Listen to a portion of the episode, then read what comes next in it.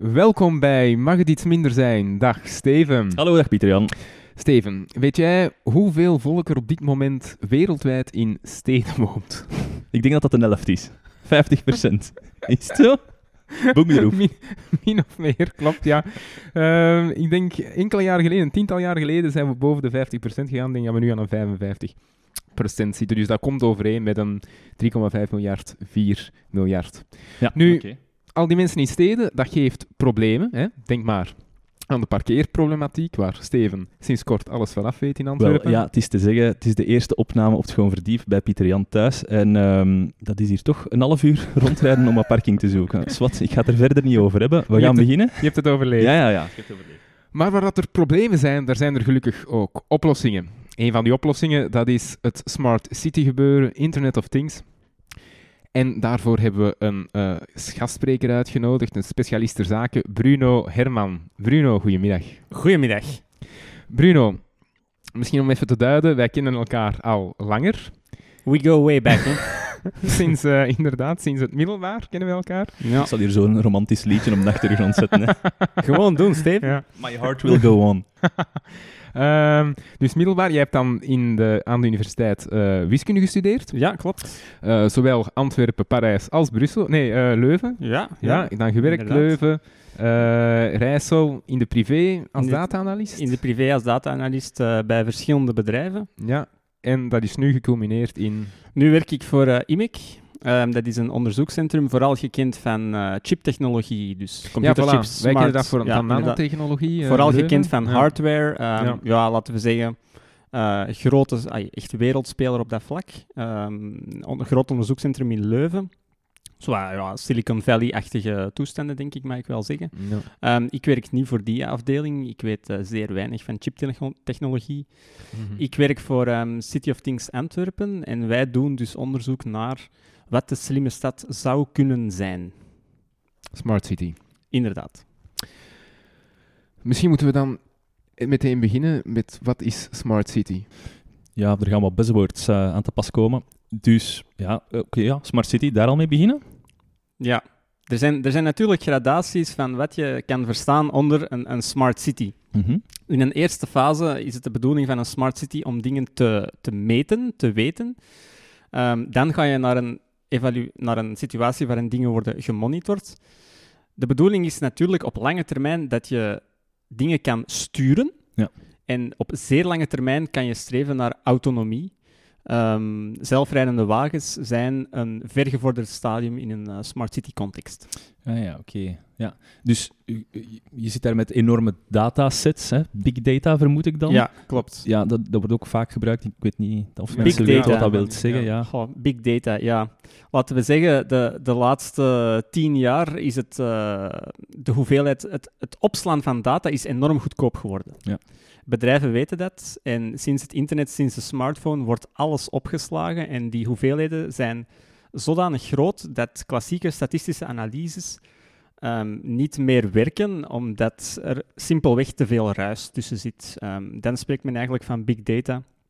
Ja, er zijn verschillende definities mogelijk. Men spreekt ook wel eens van dat er big data aanwezig is zodra het niet meer mogelijk is om de data te verwerken op één eh, single machine, op één enkele computer. Dus vanaf dat je moet werken met een centrale server om eh, berekeningen te doen, Ja. zet je absoluut met big data bezig. Oké, dan stel ik de logische vraag. Als, als het dan toch te, te veel is voor een machine om te behappen, waarom nog meer informatie inwinnen als we het toch al niet aankunnen? Hoe gaan we dat dan verwerken?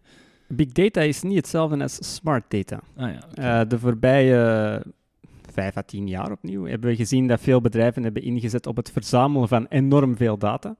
Veel bedrijven hebben maar- data. Mag ik nu eens vragen? En Ja. verzamelen, dat is ergens op een locatie dat die in servers dan al die data... Elk groot bedrijf waar ik tot nu toe heb gewerkt, Ja? heeft dataservers staan ergens. En Typisch zitten- worden die gehuurd voor een, door een, bij een extern bedrijf. En dat zijn dus silo's van harde schijven waarin dat data van het verkeer op hun websites, van hun diensten, van hun interne werking, allemaal wordt opgeslagen. Ja. En dus, want jij hebt dan nog gewerkt alleen voor bescheiden spelers, maar waarschijnlijk als je eh, zonder... Ja, eh, klopt. zonder klopt. dat Ik heb, voor, een ik heb lappen, over het algemeen voor KMO's gewerkt, slash Belgische bedrijven. Voilà, Ja. dus waarschijnlijk als je naar Google gaat, of naar Facebook, Komt je iets anders tegen? dan ja. is dat een silo, allee, silo's of, of velden. Silo's, ja. Ja. Het met energieverbruik allemaal die... data, gewoon wat wij dagelijks doen, dat zit daar opgeslagen. Dus ook allee, En- dingen en die wij bijvoorbeeld verkocht, ja. tien jaar geleden hebben gedaan, Ah ja, dat ja, zit er allemaal nog in. Absoluut, ja. Dat zal... Ja, ze maken dan een onderscheid tussen hot en cold storage. Ja. Eh, hot storage is wat dat ze onmiddellijk beschikbaar hebben. En ja, cold storage is iets waar dat ze van verwachten dat je het niet onmiddellijk terug nodig gaat hebben. Bijvoorbeeld als Mhm. je op Facebook zoekt naar iets wat dat je tien jaar geleden hebt gedaan, een foto, dan zouden kunnen zien dat dat veel langer duurt om die foto te laden. Dat is omdat je niet direct in memory zit om over het netwerk naar u te sturen. Ja, oké. Facebook gaat ervan uit, ja, een foto van tien jaar geleden die heb jij niet elke dag nodig en die gaan die op een goedkopere manier opslaan. Maar dat betekent dat ze er niet direct aan kunnen. Er is altijd zo'n trade-off in datacenters. Oké. Maar sorry, ik heb u onderbroken. Smart data, eh, big data. Ja, ja, natuurlijk. Dus eh, smart, wat is smart data? Je bent niks met big data als je er geen eh, waardevol inzicht uit kunt halen.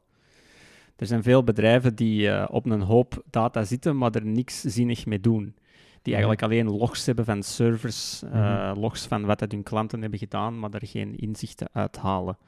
En er is ehm, nu, ja, nu dat de tools voor analisten ook verbeteren, nu dat de compute power verbetert voor ehm ehm, cluster servers, ah ja, technisch, eh, wanneer, wanneer dat de, de middelen voor data-analisten zoals ik Ja. beter worden, kunnen er sneller inzichten naar boven worden geduikeld.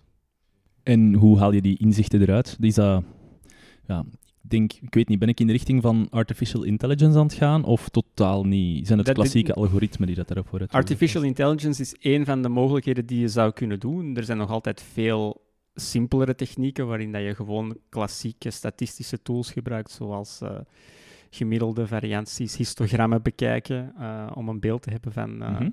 hoe de datasets zich verhouden. Maar je moet natuurlijk ook altijd een dataset benaderen met een, een standpunt waar die data over gaat.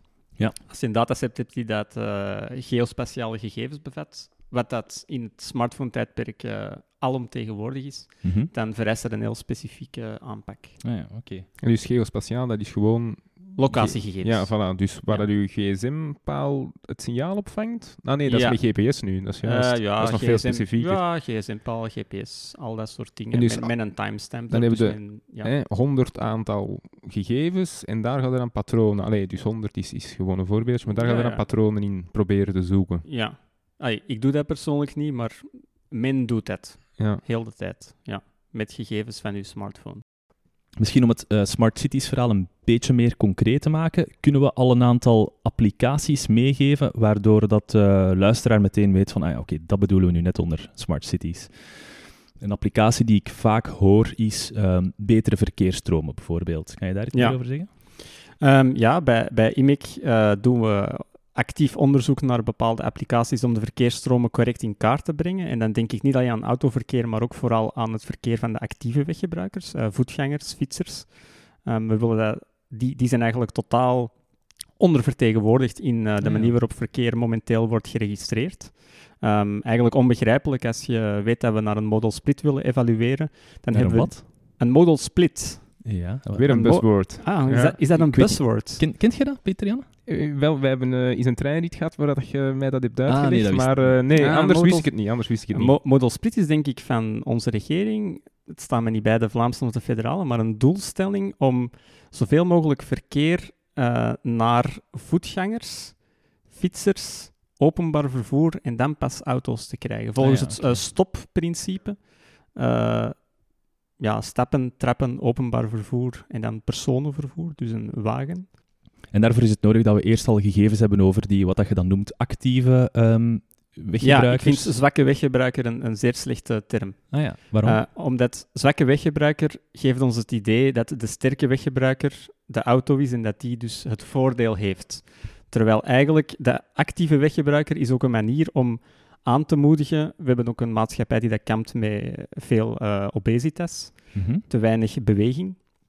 Ehm, bewegen, fietsen naar het werk is een manier om Ah ja, tegelijkertijd- zo, een actieve... Ja, Ja. je bent fysiek actief bezig, want Inderdaad. ik dacht, een auto neemt ook actief deel aan het verkeer, maar nee, Die, dus die neemt zeer actief deel aan het verkeer. de ja. fysieke activiteit. Oké, sorry, het kwam iets trager bij mij. Ehm, maar ik heb u in een, in een eh, eerder ehm, telefoongesprek al eventjes ja, aan de tand gevoeld over die dingen. En je zei Ja. een interessante quote, hè, want we moeten die informatie verzamelen. En je zei, we staan met data waar dat we 150 jaar geleden stonden met elektriciteit. En ik vind Ja, dat eigenlijk klopt, wel een toffe om in het begin een beetje toe te lichten wat dat het probleem nu juist zit. Ja, goed. Dus ehm, wat, is het, wat is eigenlijk het probleem? Mensen, mensen denken vaak van, ja, al die data, eh, ze hebben er eigenlijk geen zicht op wat er gebeurt. Ehm, ja, dus, dus mijn, mijn job is eigenlijk, ehm, ja, ik ga het eh, simpelweg uitdrukken als loodgieterij met, eh, met data. Hè. Het, het versluizen van data, het Ja. de interessante dingen eruit halen, dat is het eigenlijk. Nu, waar staan we? Ehm, wat is, ja, laat me uitleggen met elektriciteit. Wat is elektriciteit vandaag?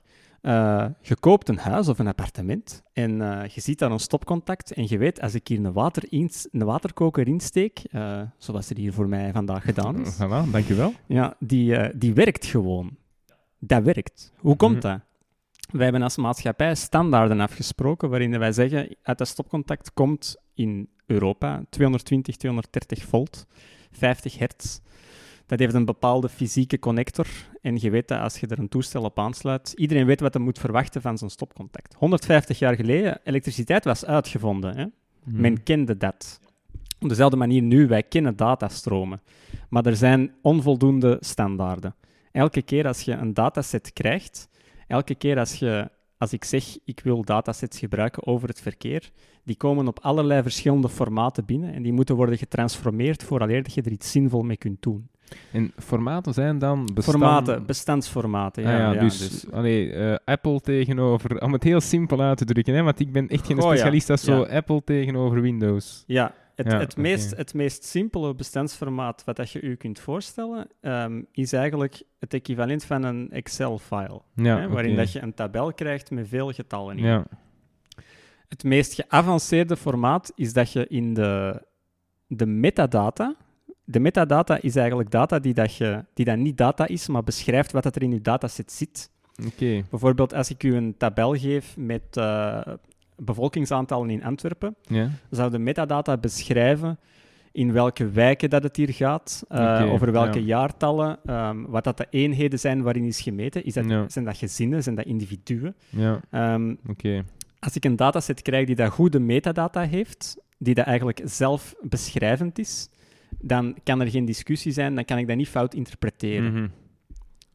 Dat dus is eigenlijk waar dat we naartoe moeten gaan. Ja, en dus jij krijgt van allerlei kanten ook gewone data, metadata en trekt uw plan. Ja, Ja. Ja, eigenlijk. En een van de, een van de dingen waar dat een, een, om een smart city te doen slagen, moet je een goede architectuur hebben. En dat betekent dat je je data moet eh, standaardiseren. En dat je eigenlijk het equivalent moet maken van eh, data-stopcontacten.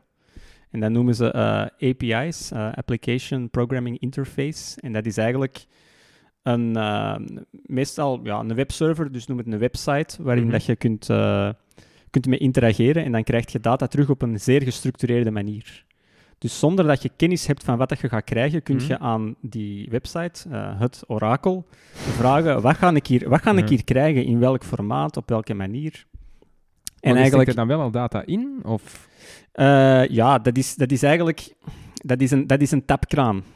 Die- Zo'n API is een tapkraan waarin dat iedereen kan zeggen, ik sluit mijn tuinslang erop, uit, erop aan, Ja. ik draai de kraan open en ik krijg de data. Ongeacht wat voor tuinslang, dus in, ongeacht welke programmeertaal, Ja, ja, wat dat je ermee van plan bent, je kunt eraan. Oké. Dus een groot probleem op dit moment is, ik ga het dan gewoon op overheidsniveau bekijken. Er is een gemeente, er is een provincie, die zijn allemaal, of zelfs gemeentediensten, die zijn allemaal wat hun betreft informatie aan het verzamelen. En die doen dat allemaal in aparte bestanden. Ik denk maar, Absoluut, ja. de gemeente doet dat in een Excel-bestand, het containerpark in een Word-bestand. En dat is heel moeilijk om nadien op elkaar, al ja, bij wijze van spreken, hè.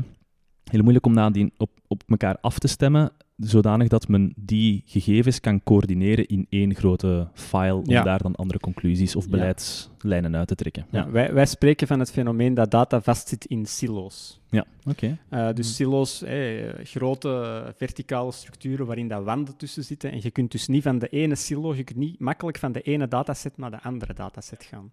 Dat is het probleem. Als, je, als je bijvoorbeeld fietsdata en autodata moet beginnen koppelen, begint maar. Ah, dat zou Eh. mij vanzelfsprekend lijken. Het gaat over eenzelfde vorm van data. Ja, maar ze wordt op een heel andere manier. eh, Ja. bon, we doen het, eh, Ja. maar het is, het is niet evident. Oké, Hmm. dus dat is een van de grote uitdagingen waar dat je mee zit. Ja. Ehm, Ja. ik, ik, ik ga er ook al bij zetten, bij, bij deze aflevering, ik heb mij proberen in te lezen en ik had toch een beetje moeite over het onderwerp, omdat de, de artikelen die ik vond op Google, hè, ik heb mij Mhm. zo wat beperkt tot een, De, tot een de uitgebreide, gespecialiseerde website. Hè? gespecialiseerde website. Ehm, en ik kwam tot de conclusie dat het mijn zinziens wat een goed nieuws show leek. Ehm, het was zo big data en we gaan dat ermee doen en we gaan dat ermee doen. Die applicatie, sorry, eh, smart Mhm. cities. hè, we gaan optimaliseren. En hoe kun je nu tegen optimaliseren zijn? En ik dacht, ja, ja oké, maar waarom, waarom zouden iets niet doen? Is voor mij geen voldoende motivatie om het te doen. Want eh, bijvoorbeeld, ehm, een van, de, van de grote voorbeelden was, we gaan werken met smart lighting. Hè? Dus ehm, in plaats van gewone verkeerslichten die aanschakelen op een bepaald moment en uitschakelen op een bepaald moment, ehm, gaan ze enkel aanschakelen als je er voorbij rijdt. Hè? Dat is met een soort van sensor, dan denk ik, oké, dat is allemaal in orde. Maar het wordt pas smart als we die gegevens constant doorsturen naar een bepaald platform. En dan vraag ik mij af, is het nodig dat je een constante doorstroom hebt van gegevens om daar als voordeel uit te halen? Ik lees dan het voorbeeld, eh, dat het voordeel dan is dat als een van de lichten meer werkt, dat dan automatisch een bericht wordt gestuurd naar het gemeentebestuur van ja, er is een licht kapot, kom het vervangen. En ik weet niet waar dat nu net de... Er zullen, nog andere meerwaarden zijn, hè, maar ik kan ze niet echt destilleren op dit moment. Al, al- toch niet uit de bronnen dat ik heb gevonden. Ik denk in het voorbeeld wat je nu aanhaalt dat de meerwaarde inderdaad beperkt is. Ah, oké. Ehm, wij hebben in Antwerpen in de Smart City, dus dat is een bepaalde wijk in Antwerpen waarin dat er een aantal proefprojecten lopen. Ehm Sint-Andries in Antwerpen hebben we ook een aantal proefprojecten gedaan, onder andere met eh, Smart City verlichting. En inderdaad, we moeten eerlijk zijn, de impact eh, voor de maatschappij, voor de man in de straat is klein. Waarom hebben we dat project dan gedaan? Dat is vooral voor ons een eh, manier geweest om de infrastructuur op te zetten. Want het is niet zo evident om al die lichten eh, te verbinden met een eh, server die dat dan die data doorstuurt enzovoort. Ehm, maar gevraagd, waarom doen we het dan eigenlijk? Ja, er zijn andere projecten waarin dat het wel belangrijk is, maar die eigenlijk moet je kijken naar een veel grotere schaal dan enkel een paar straten. Bijvoorbeeld, Mhm. Neem nu een project zoals Internet of Water. Wat houdt dat in? Dat je over heel Vlaanderen een 2000, 2500 tal sensors uitrolt op strategische plaatsen, ehm, die de waterkwaliteit en kwantiteit real-time meten. Oké, ja. ja. Welke problematiek trachten we daarmee aan te kaarten? Enerzijds ehm, de vervuiling van grondwater. Ik denk dat dat vooral in eh, rurale streken eh, En dan met die hoofdbeweging vooral in... eh dat kunnen de mensen thuis niet zien, maar ja, ja. We zijn hier over Kortenberg bezig. Goh, nee, eigenlijk, het, er, is, goh, er, is een, er is een probleem met de, met de vervuiling van... eh, grondwater wordt vervuild met nitraat van, Ja. van, van eh, landbouwafval. Landbouw, ja. Bon, bref, dat is een probleem en we kunnen dat niet in kaart brengen. Mhm. We hebben geen idee hoe groot dat, dat probleem is. Niemand, niemand weet het. Mhm. Een van de manieren is om zoiets, eh, een netwerk uit te rollen en dan kun je effectief zien waar dat de vervuiling start en hoe dat die zich door het netwerk verspreidt, hoe ernstig dat, dat is en of je daar iets moet tegen doen en niet.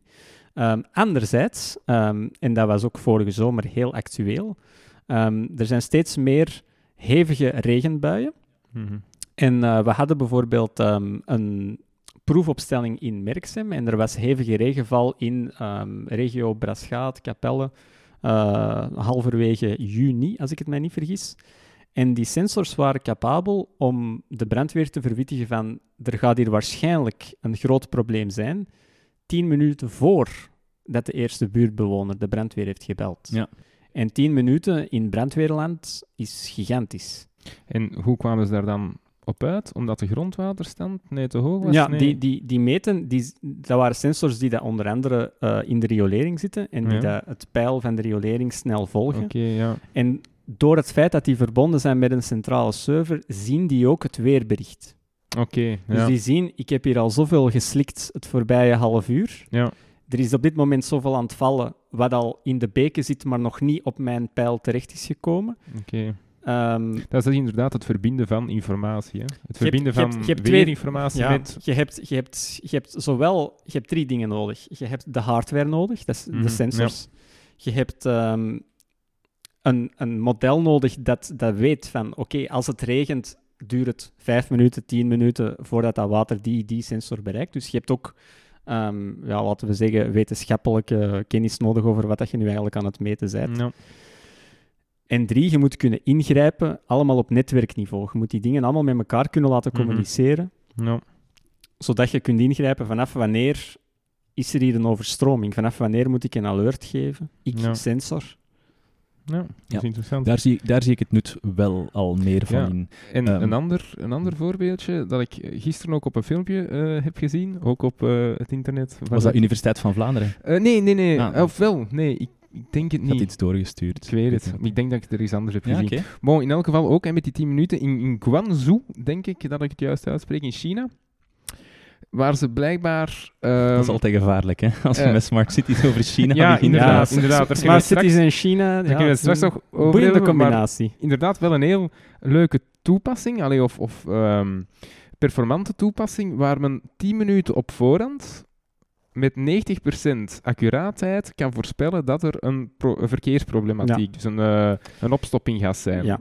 Dus allee, 10 minuten op voorhand, 90% accuraatheid, dat is toch fameus. Zeker in zo'n miljoenenstad, hè, daar woont 10, 10, 15 miljoen man. Ja.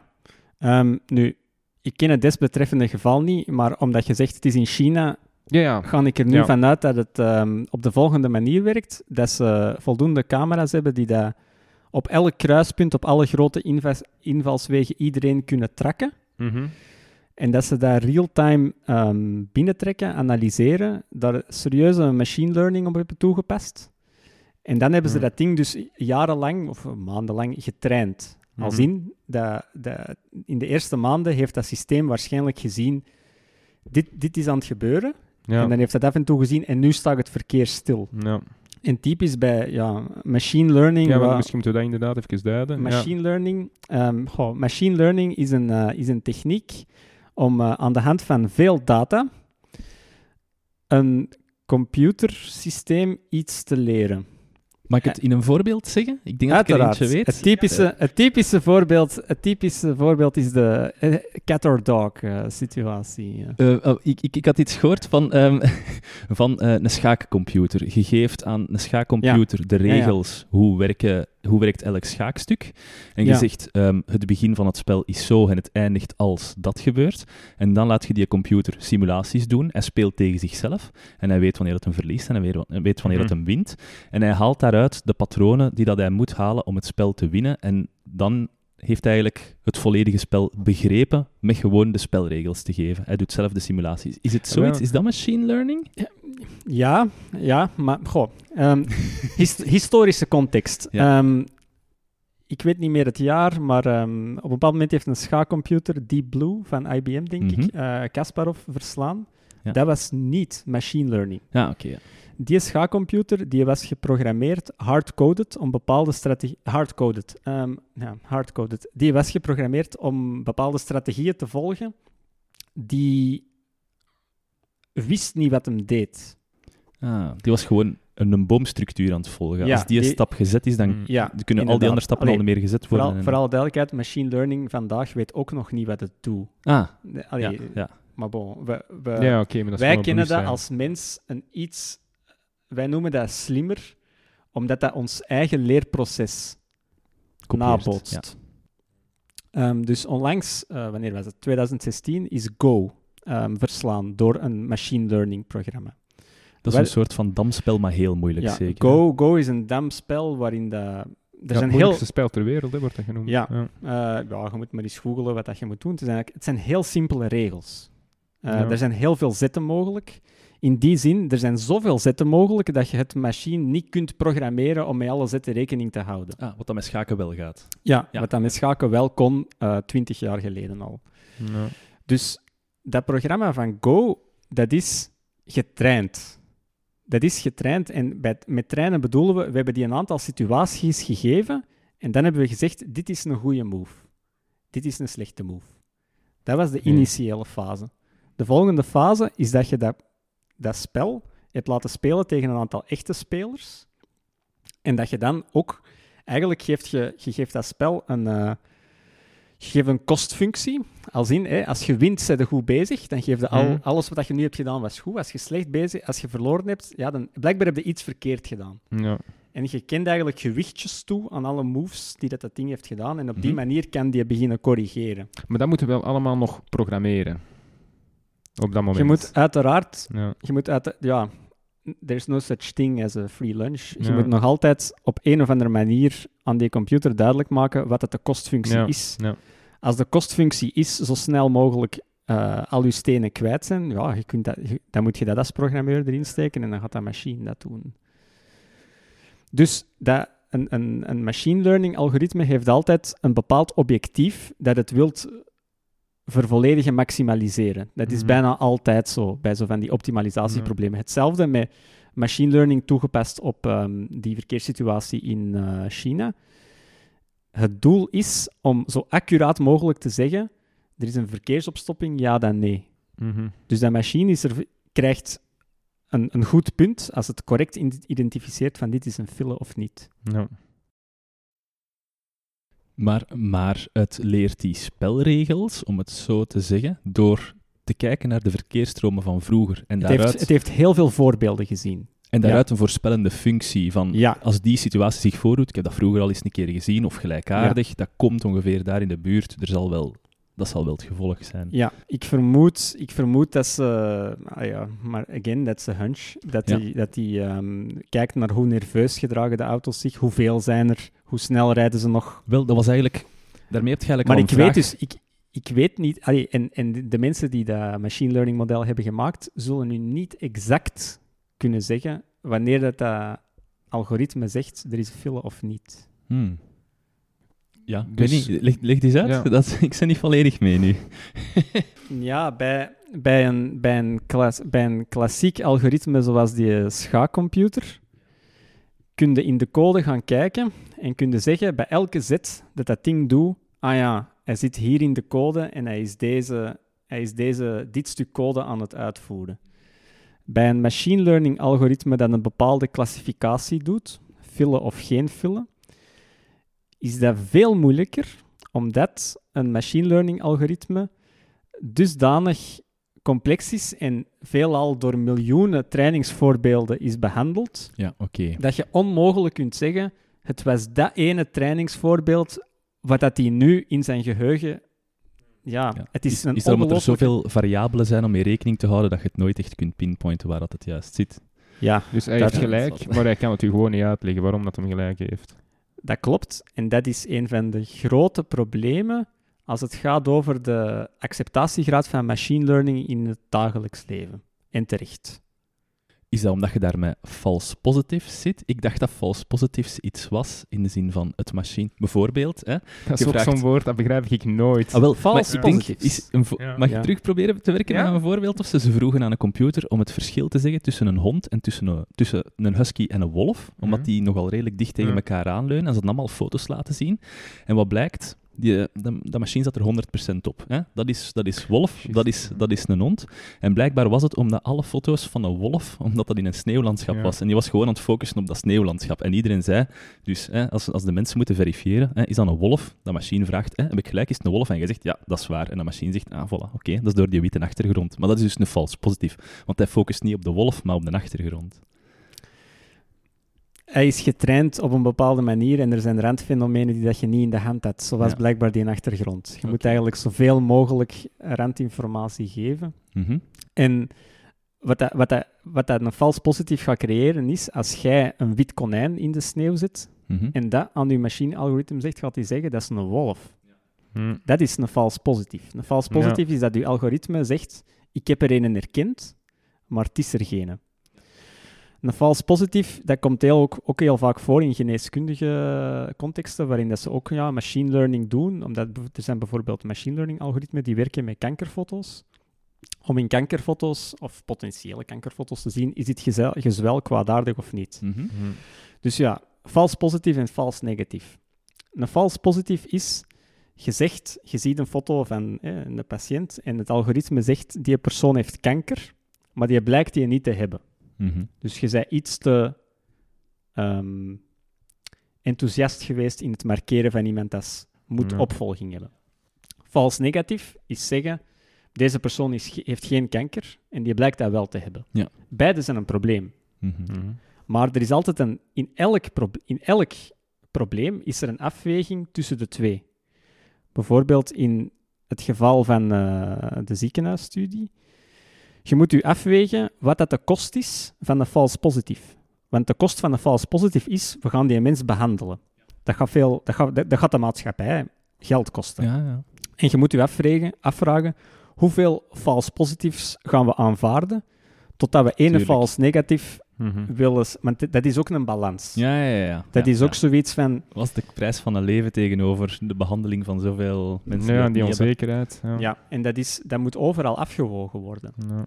Want je kunt je algoritme altijd fijner afstellen, maar typisch als je meer val, false positiefs toelaat, gaat een andere naar beneden. Allee, die, die houden elkaar meestal in balans. Hm. Oké. Ehm, smart cities in België.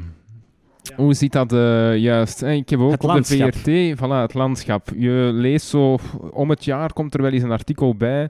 Eh waar is het? Kortrijk is nu een smart city. Allee, of zo zeggen ze toch zelf. Leuven werkt eraan, Roeselare. Nu Antwerpen, hoe, hoe, hoe ziet dat landschap? En in, volgen we daar zo wat de andere landen? Waarschijnlijk niet, niet China. Allee, we zullen niet... eh, Europa, Europa heeft een heel andere strategie dan eh, China als het gaat over ehm, wat er van een smart city wordt Ah, ja. verwacht. Ehm, China hecht minder belang aan privacy dan wij in Europa en zal dus andere doelen beogen dan eh, wij in Mhm. Europa eigenlijk Ja. van plan zijn.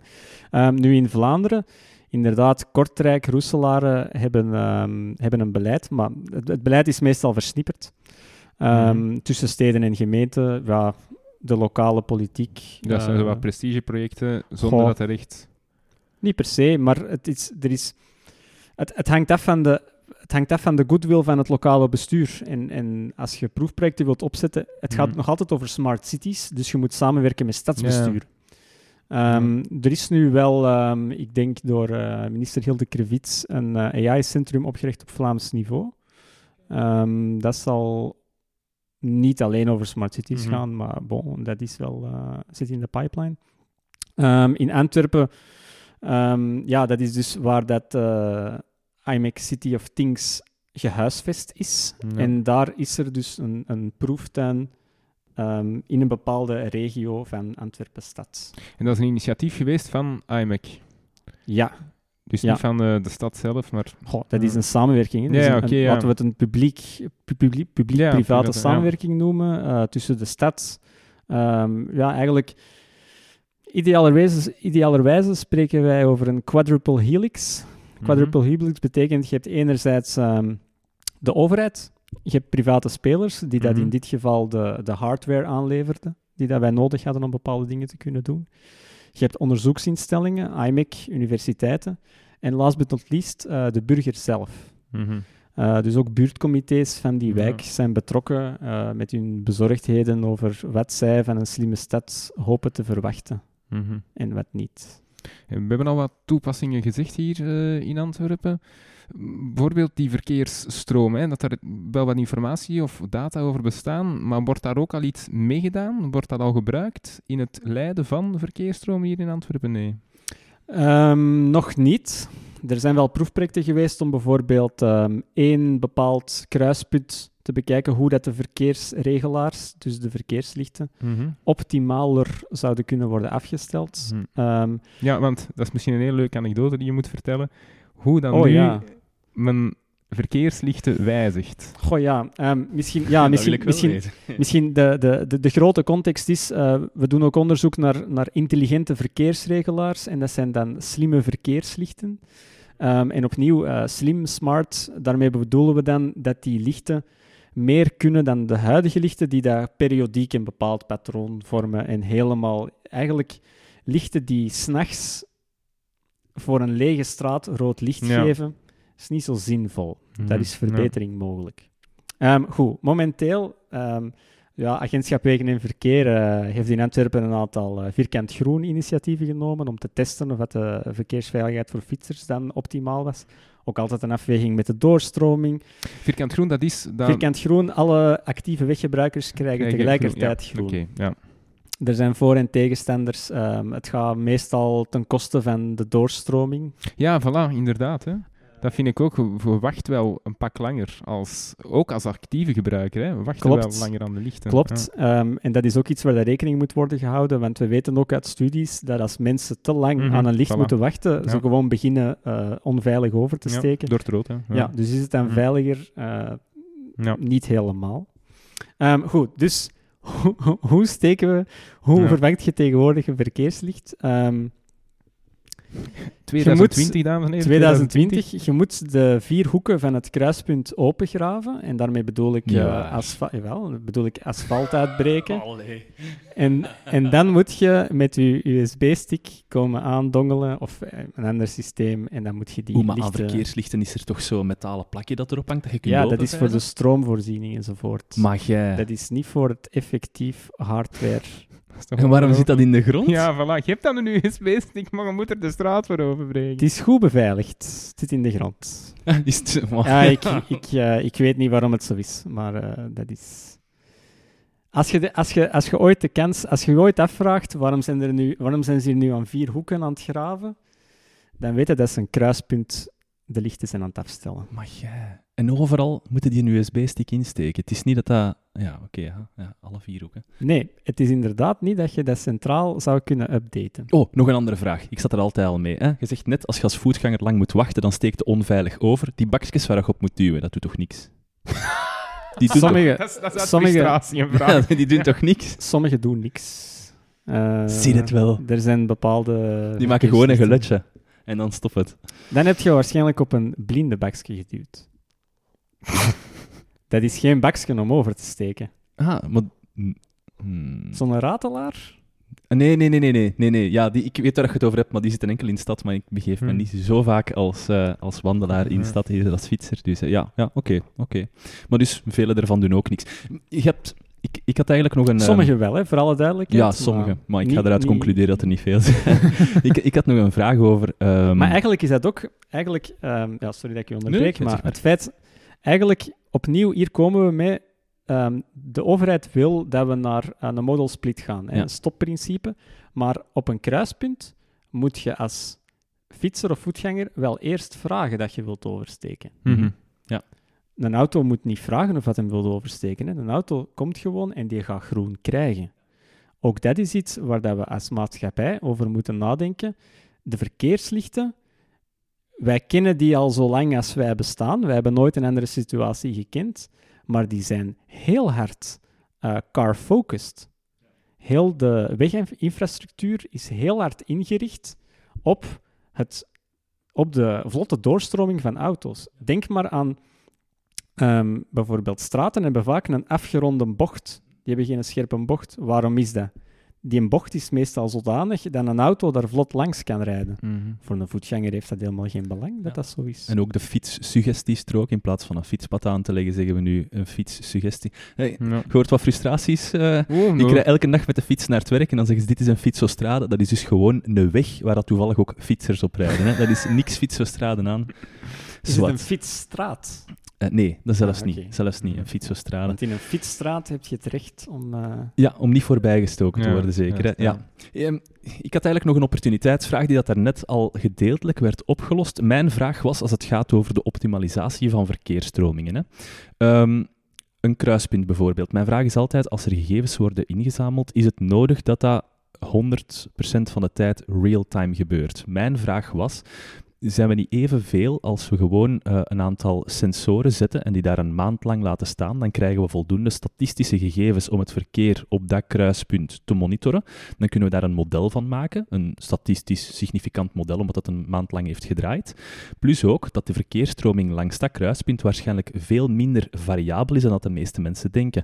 Op een maandag ik sta op om half zeven, ik neem om half acht mijn fiets of mijn auto naar het werk en ik doe dat altijd hetzelfde traject via dezelfde kruispunten per dag en ik kom op hetzelfde moment terug naar huis. Dus waarom hebben we constante real-time informatie nodig als we met een model toch redelijk ver kunnen geraken? En, en het antwoord daar, daarnet was, ja, als er ergens ineens 100 auto's afkomen, kunnen we dat 10 minuten op voorhand weten, oké, zet dat kruispunt zeker en vast open tegen dat die auto's er zijn. Maar mijn vraag is, is het wel zo variabel? Ja. Er is zeker in een gewone verkeerssituatie. Het probleem is dat wij als mens uitgaan van onze eigen ervaring en wij zien alleen de gewone situaties. Ja, dat is wat ik nu doe, ja. Ja, en eigenlijk, je moet rekening houden met. Het is eigenlijk gemaakt om in te grijpen bij, bij calamiteiten, onder andere. Dus problemen. Ehm, het is eigenlijk, je wilt die verkeerslichten, als die slim zijn, het feit dat je dan niet meer de vier hoeken moet, moet opengraven om de lichten te kunnen aanpassen, dat betekent dat je voor ehm, brandweer, politiewagens, ehm, ambulances een groene loper kunt creëren waarin dat die effectief veel sneller bij mensen kunnen Maar geraken. dat bestaat nu toch al? Die hebben toch zenders die dat kunnen worden opgevangen door de verkeerslichten dat die groen licht krijgen? Dat is niet overal zo. Hè. Ah, dat is voor bepaalde verkeerslichten inderdaad. Ah ja, want Ehm, als dat bestaat, dan moet het ook niet meer het kruispunt opengraven. Want dat betekent dat je toch inderdaad kunt via wifi of wat dan ook, kunt ingrijpen op die Ja, lichten. Ik dacht dat dat bestond. Hè. In Amerika bestaat Er- dat bijvoorbeeld. Natuurlijk, maar- natuurlijk. Er zijn technologieën die, die het mogelijk maken. Maar je moet ze uitrollen. Hè. Als ik zeg van, uiteraard zijn er technologieën waarin dat je een kruispunt Ja, van op afstand ja. kunt benaderen. Maar het gros van onze verkeerslichten in België Tuurlijk, daar niet Maar je zegt dan, het is een technologie die dat we moeten implementeren. Nu, een technologie die dat bijvoorbeeld een, een alarmsignaal van een politiewagen detecteert, is geen slim systeem. Dat is gewoon een sensor. Dus weer al die opportuniteitsvraag. Is het nodig dat we overal die smart... Ik snap wel voor de calamiteiten dat het nodig is. Hè. Over de wateroverlast, zeker in Vlaanderen, is een heel groot probleem. Daar kan ik me dat best wel bij inbeelden. Maar de verkeersdoorstroming, of wat dat constante, real-life Ik vind toch dat dat van dag tot dag echt kan verschillen. Ja? Ja, vind ik Eigenlijk, wel. Als, als ik je- naar, als je- naar het werk rijd, Je wilt real-time... Ah, je wilt... ehm, je wilt, dat is een vraag voor de, voor de overheid, maar Mhm. er zou mogelijk zijn dat je, real, dat, dat je real-time kunt bijsturen. Ja. Dat je eigenlijk op basis van de huidige verkeerssituatie kunt zeggen, we gaan nu meer mensen op dat kruispunt naar links sturen dan rechtdoor. Dat is een optie die dat je nu niet hebt.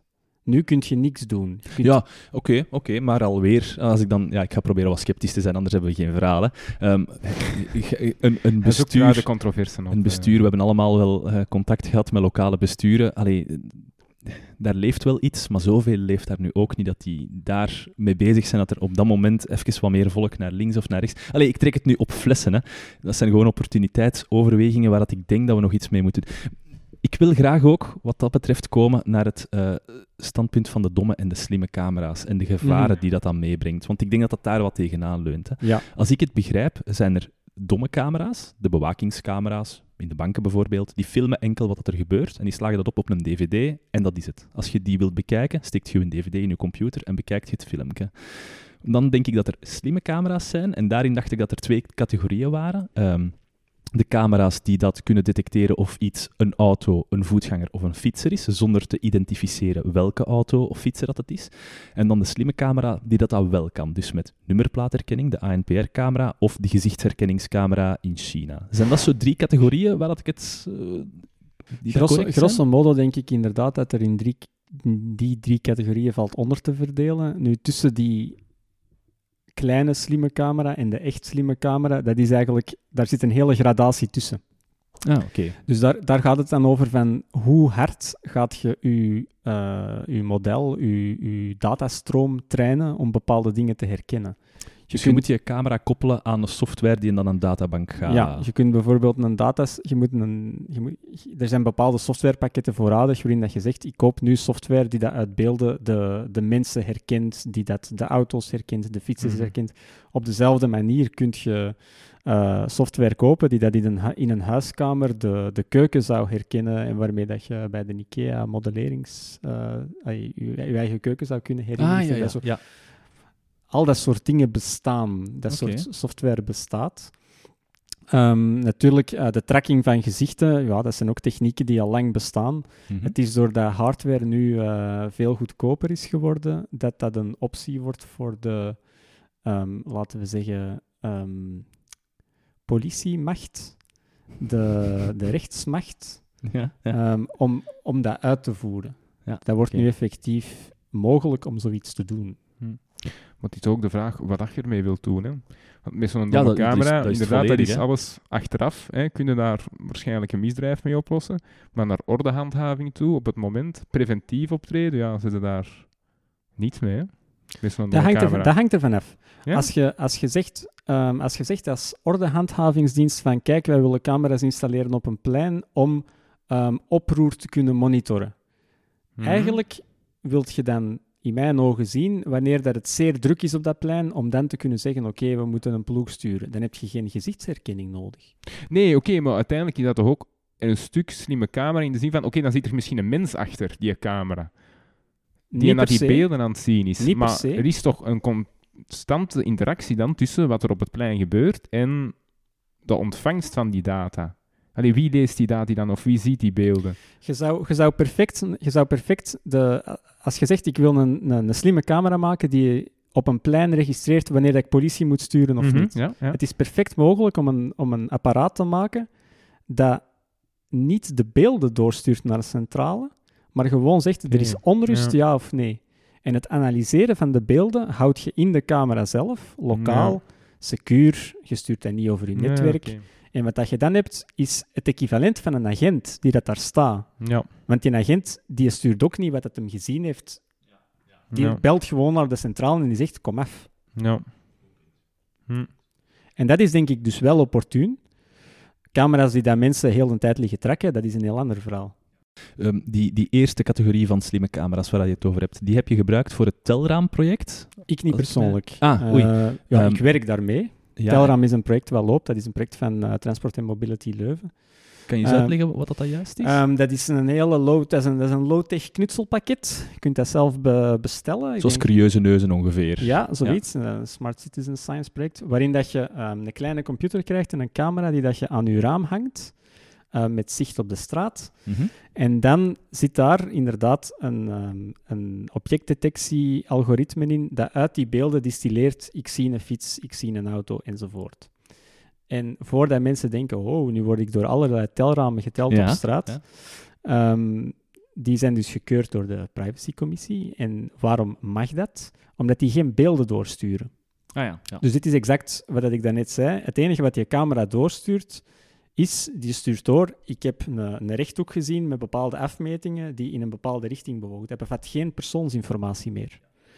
En die beelden die worden dus ook niet opgeslagen, die vervliegen. Die, camera die ze trekt om van, oké, ik zie nu een auto, hè, ping 1, ik zie nu een fietser, ping, een andere 1, en die Ja. begint op te tellen. Dus die beelden, Beelden worden niet weg. opgeslagen. Weg. Ja.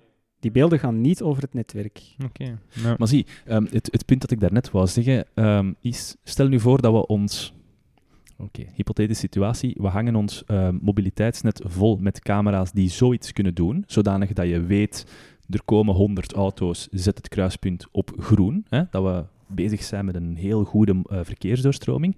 Maar wat nu als er een iets minder rechtsstatelijke partij aan de macht komt, die dat zegt van de ene dag op de andere, we kopen een ander softwarepakket en die werken vanaf nu allemaal met nummerplaatherkenning of met gezichtsherkenning. Dan hebben we als democratische, rechtsstatelijke overheid geïnvesteerd in iets wat dat onze verkeersdoorstroming ten goede moet komen. Maar zou er dan één antidemocratische partij kunnen zijn die dat zegt, voilà, vanaf nu gezichtsherkenning over al die camera's waar dat we hier nu ooit over hebben in geïnvesteerd? Hier haalt u een zeer ehm valabel punt aan. Oeh, valabel, oké. Valabel, ja. Ik, ik was echt met spanning aan het Ehm, wachten. ook- is dat nu ook- een bullshitpunt en of een, niet? eh, en ook een doorn in mijn eigen ogen als het gaat over de nieuwe identiteitskaartregeling. Oh ja, dat gaan we nog doen. Maar Ja, ja. om eerst op uw vraag te beantwoorden. ehm, je moet je systemen zodanig, opnieuw, we doen dat niet, je moet je systemen zodanig ontwikkelen dat je ervan uitgaat dat ze gehackt gaan worden. Ah ja, je moet jij- er gewoon al van uitgaan. ik vind dat eigenlijk dat, dat jij nog een vriendelijk scenario beschreven hebt waarin dat we iemand die we verkozen hebben dan besluit om daar Ja, ja. dingen mee te doen. Ze zouden ook gehackt kunnen worden. Ehm, wat dat je eigenlijk moet doen, is je moet zorgen dat die ehm, toestellen, sensors die dat je daar zet, dat die per definitie die informatie niet hebben. Ja. Bijvoorbeeld, als je van een sensor enkel verwacht dat hem auto's herkent, Mhm. Dan hoeft je dat niet in 4K-resolutie te doen. ja. Je Ah, hoeft daar geen eh, 20 megapixel camera te installeren.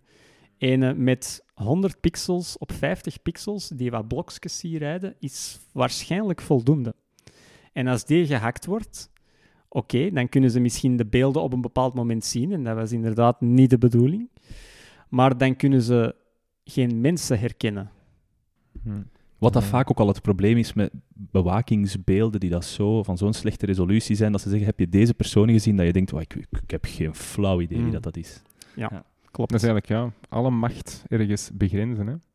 Dus hard, hardwarematig begrenzen, niet Hardware- softwarematig. Hardwarematig begrenzen. Soft, software kan gehackt worden, Ja. vaak. Eigenlijk moet je ervan uit... Ah ja, je, uiteraard, hè, er zijn gradaties. Hè. Tuurlijk, ja. Het systeem gaat nooit helemaal veilig zijn, maar je moet ervan uitgaan dat het gehackt gaat worden. Hm. Ik vraag me dan altijd af, gaan we ons dat zelf kunnen opleggen? Zo ergens van, we kunnen beter, we kunnen slimme camera, voor die domme camera, kunnen we een slimme camera installeren. Waarschijnlijk binnen 20 jaar gaat die kostprijs ook ongeveer hetzelfde zijn. Eigenlijk is een domme camera zo onnozel nog niet. Hè.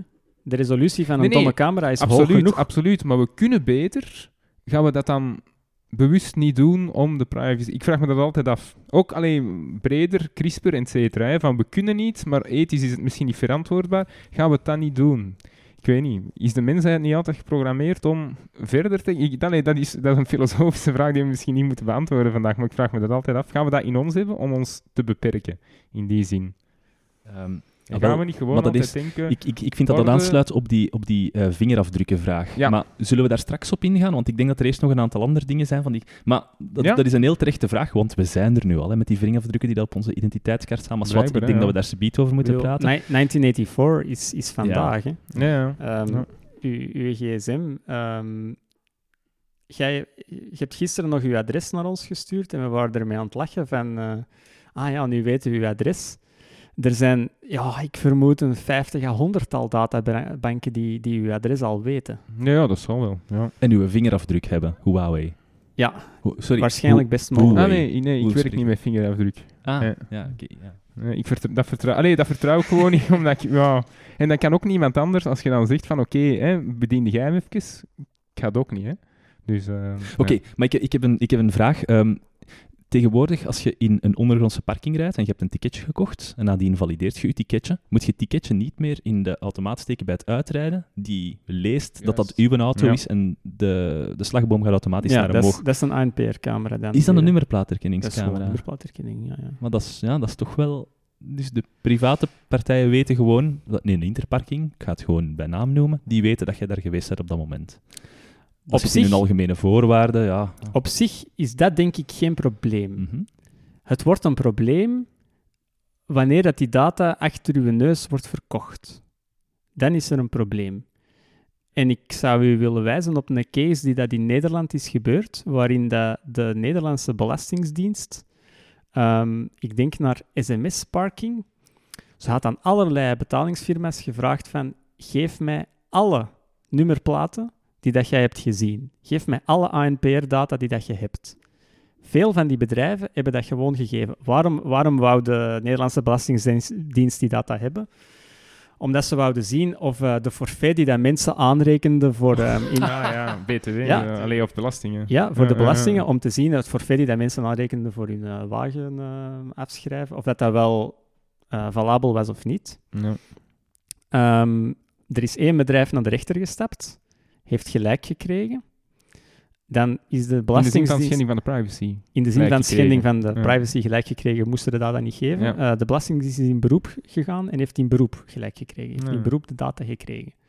Nu, dat is wat je vaak bij, bij zo van die problemen ziet, is dat ze veel data vragen. Veel, ze, er wordt veel meer data gevraagd dan dat je nodig hebt.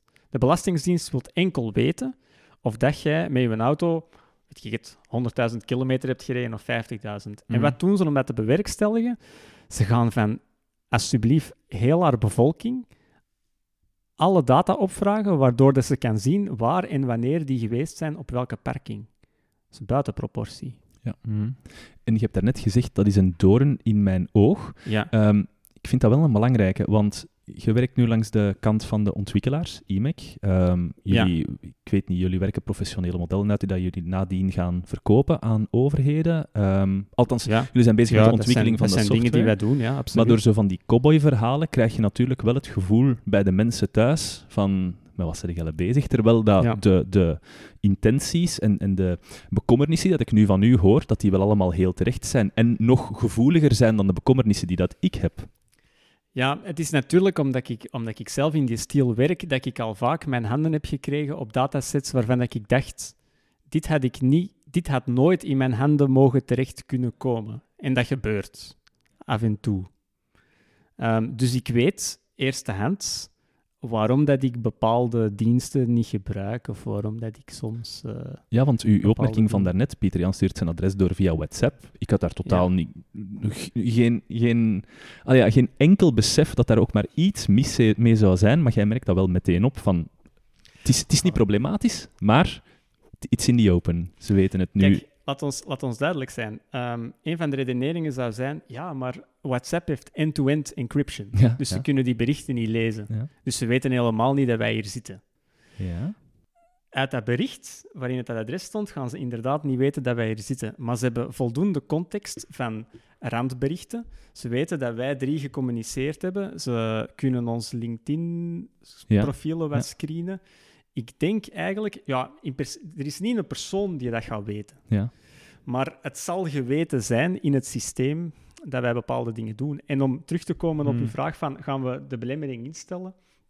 Er is altijd een glijdend vlak en de technologiebedrijven hebben te veel macht. Google heeft verschillende beloftes gedaan over we gaan dit en dit en dit niet doen. Facebook zegt we gaan dit en dit en dit niet doen. Uiteindelijk doen ze het toch. Ja. Ehm, Oké, maar Bruno, wacht, wacht, Ja. wacht, wacht. Ik heb niks te verbergen.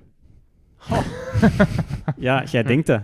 Dat is een Ja. nieuw hoofdstuk dat we nu Ja. gaan aankaarten. Hè? Ik heb Ehm. niks te verbergen. Wat is uw argument? Iedereen zegt Gaan we eens in zijn kelder zien. Wat is... Allee, maar zwijgt over die dubbele borie met mijn kelder. Eh, ehm, wat, hoe gaat jij het argument ik heb niks te verbergen weerleggen ehm, als iedereen van ons dat wel op een of andere manier denkt?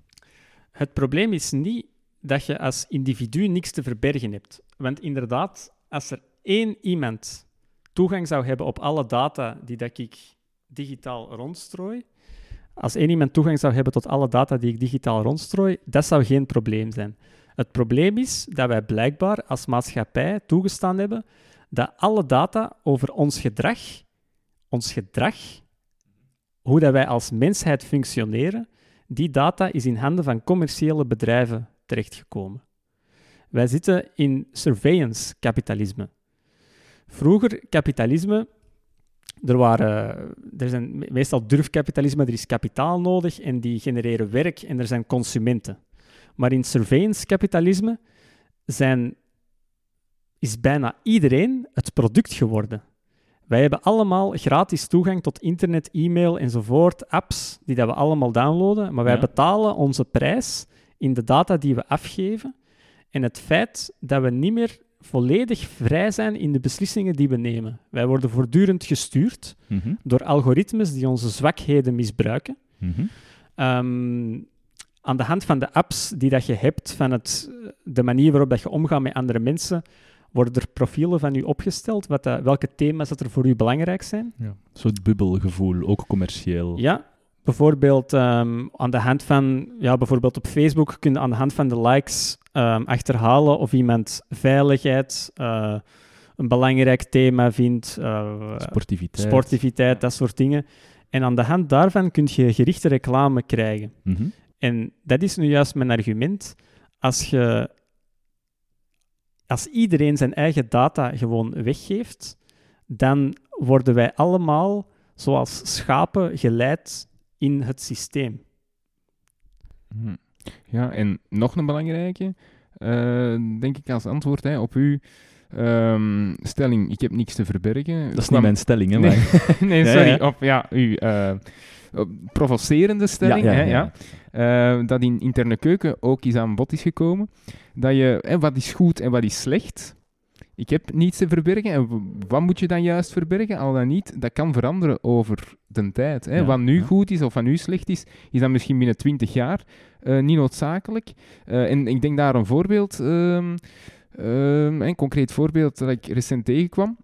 In de Spaanse burgeroorlog, hè, we zitten dan 1937 ergens, 1936, 1937, daar zijn bepaalde eh, Nederlanders mee gaan vechten. In het communistische kamp dan, communistische kamp, republikeinen.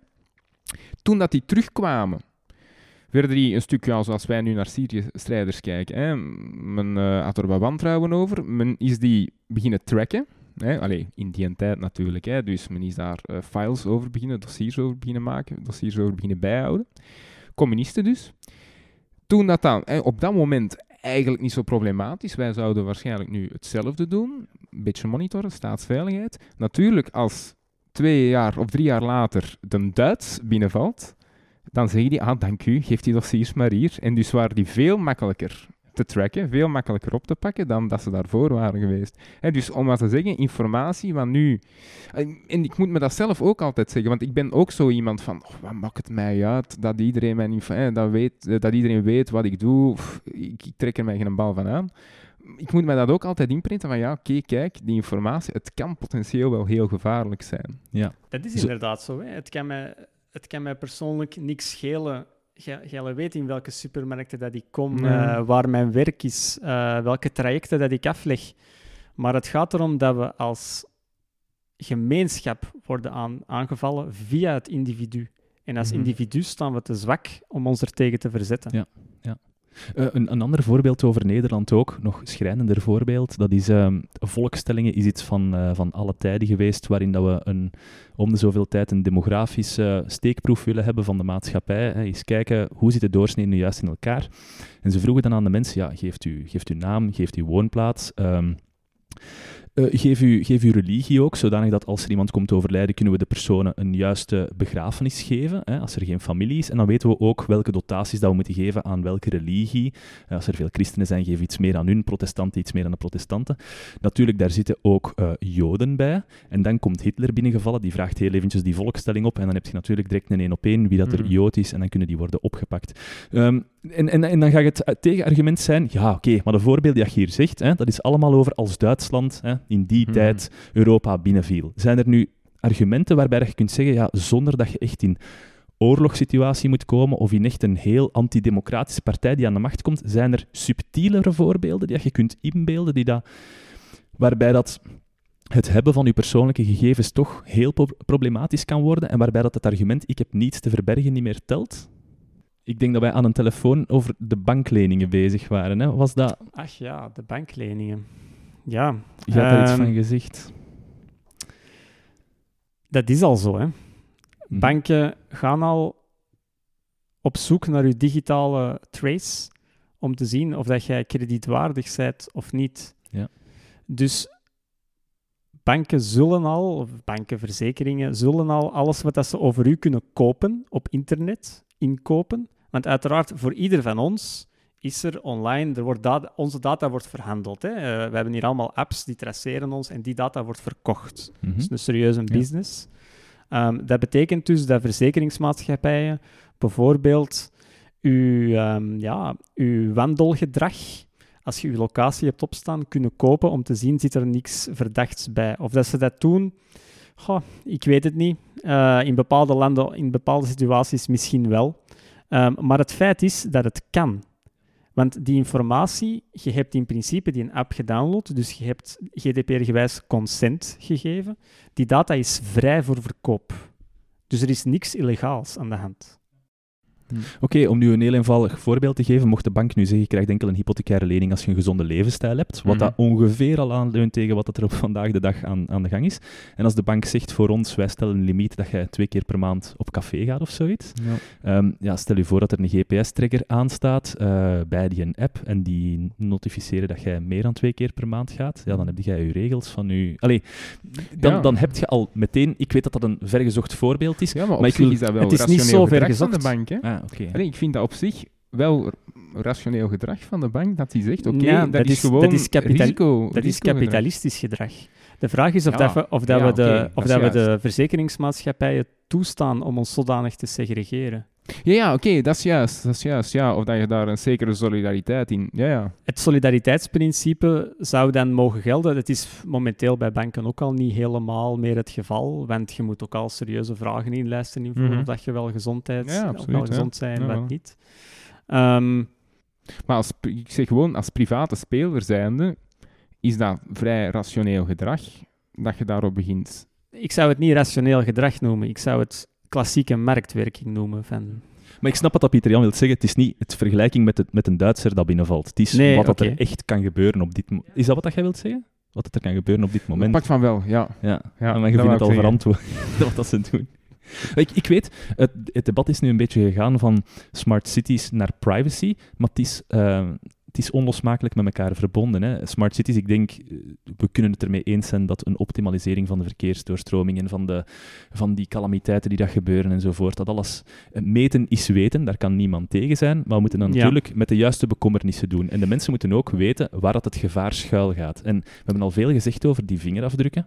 Ik zou toch nog eens... Dus, dus er, is een, er is een wet gestemd, ik denk dat dat vorig jaar was, die dat verplicht aan iedereen vanaf 16 jaar om vingerafdrukken op de identiteitskaart te hebben. Mijn Ja. vraag aan u is...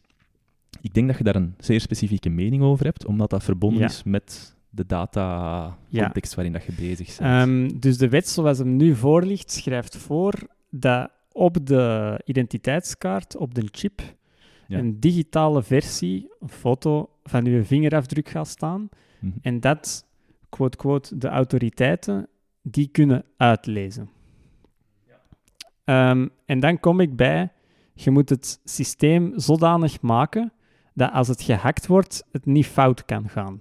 Ja, dat was wat je net ook had gezegd, ja. Ehm, het probleem is dus, de- als het met dit systeem fout gaat en op een of andere manier wordt, eh, wordt uw vingerafdruk afgelezen van uw identiteitskaart door een malafide organisatie, Mhm. dan heb jij een probleem. Je kunt uw vingerafdruk niet meer veranderen. Een paswoord kun je veranderen. Uw naam. Uw naam kun je à la limiet nog veranderen. De overheid zal u daarbij bijstaan. Ja. Maar uw vingerafdruk veranderen is niet meer evident. Is Het- dat, ja, is dat hetzelfde verhaal als de burgemeester van Lokeren onlangs, die ehm, gevraagd werd van, ah, laat eens een foto zien van uw identiteitskaart en dan laat het zien, waarop dat ook zijn rijksregisternummer staat? En dit is exact, dit, dit illustreert. Dus die mens, die mens laat zijn kaart zien, niet beseffend dat zijn foto van zijn identiteitskaart voldoende informatie bevat om zijn identiteit te laten misbruiken. Ah, wat is er gebeurd? Ja, niet Nog niks. Er is Ah, nog niks Ah, gebeurd. juist, ça va, maar ça het, ehm, dus er is wel een verhaal, dus Sander Lones, Mhm. Ehm, die Mhm. heeft daar eh, aangekoppeld en die zei, ja, ik werkte vroeger bij de dienst Vreemdelingenzaken en naar aanleiding van de uitrol van oh, een nieuwe identiteitskaart lang verblijf voor, eh, voor de vreemdelingen, Ja. vroeg een journalist aan hem, ja, wat is nu het verschil met een gewone identiteitskaart? En dan hebben ze dus die twee naast elkaar laten zien, voor- en achterkant, waardoor ze al zijn gegevens hadden en dus ook zijn rijksregisternummer. Ja. En heeft hij het gehad dat ineens zijn, eh, zijn telefoonaccount werd afgesloten wegens niet betaalde rekeningen, waarin dat mensen hem begonnen te Ah. contacteren van ja, je hebt mij hier allemaal bucht verkocht, en waarin dat zelfs zijn naam stond op de elektriciteitsfactuur van een wietplantage in Frankrijk. Ah, echt? Dus- Het is, het is ongelooflijk wat dat je kunt doen als je van mensen hun rijksregisternummer hebt. Dus typisch in elke databank wilt je voor elk ehm, bestandje dat je in de databank zet, Ja? een eh, zogenaamde unieke ID. Ja. Hè, heel belangrijk. Er mogen ge- geen dubbels, want er zijn natuurlijk veel Peter Petersen, Ja. maar, maar je moet ze wel een unieke naam geven. Dat is in elke databank cruciaal. In de Belgische databank van personen is dat het identificatienummer van het Rijksregister. Nu nog op de Staat- achterkant van uw staat identiteit. bovenaan op de achterzijde van uw identiteitskaart. En dat dat is- is voor je nummer? Ehm, Dat begint met zijn geboortedatum en dan staat daar iets achter. Eigenlijk het, het identificatienummer van de Belgische identiteits eh, van, van, van, van België Hm. is bijzonder zwak, Ah, oké. omdat het te raden is. Bijvoorbeeld, ik kan dat van u. Hoe zit dat in elkaar? Inderdaad, Dus, eerst uw ja, ik, zal het geboortedatum dan... ik zal het uitleggen hoe het werkt. Het bevat uw geboortedatum en de volgende drie cijfers zijn ehm, de volgorde waarin dat jij geboren bent. Niet per se geboren die een dag, maar de volgorde waarin dat je in het, in het systeem bent Ah, ingegeven. Mag jij... Als je een oneven nummer zit, wij hebben, wij hebben hier allemaal, iedereen aan tafel heeft een oneven nummer eh, van het mannelijk geslacht. Als nu we- hoop ik, nu hoop ik. Ja, ik hoop dat jij een oneven nummer hebt. Ehm, Oei, uw laatste. nee, niet de laatste. Ah, oké.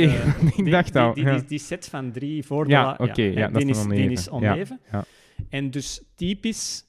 Dus wat, wat leren we hieruit? Eh, bijvoorbeeld in België worden er niet meer dan duizend kinderen geboren op een dag. Dat is een statistisch feit, anders ging dit niet. Ja. Ehm, wat dat ze doen met transgenders weet ik trouwens niet, met die, met die cijfers. Ah ja, en dan de laatste twee cijfers zijn controlecijfers. Dat wil zeggen, Ehm, op basis van de eerste negen kun je de laatste twee berekenen. Ach. Gewoon berekenen. Dat is gelijk met een bankkaart. Dus het, het nummer... Hè, Die twee laatste cijfers, dat Die- is een patroon dat je kunt afleiden uit... Ja, dus, dus ik kan Ja. Ehm allee, pff, ik, ik kan dat niet uit het hoofd, maar ik kan met een rekenmachine, als je mij alle cijfers geeft, behalve de twee laatste, de twee Ah, laatste berekenen.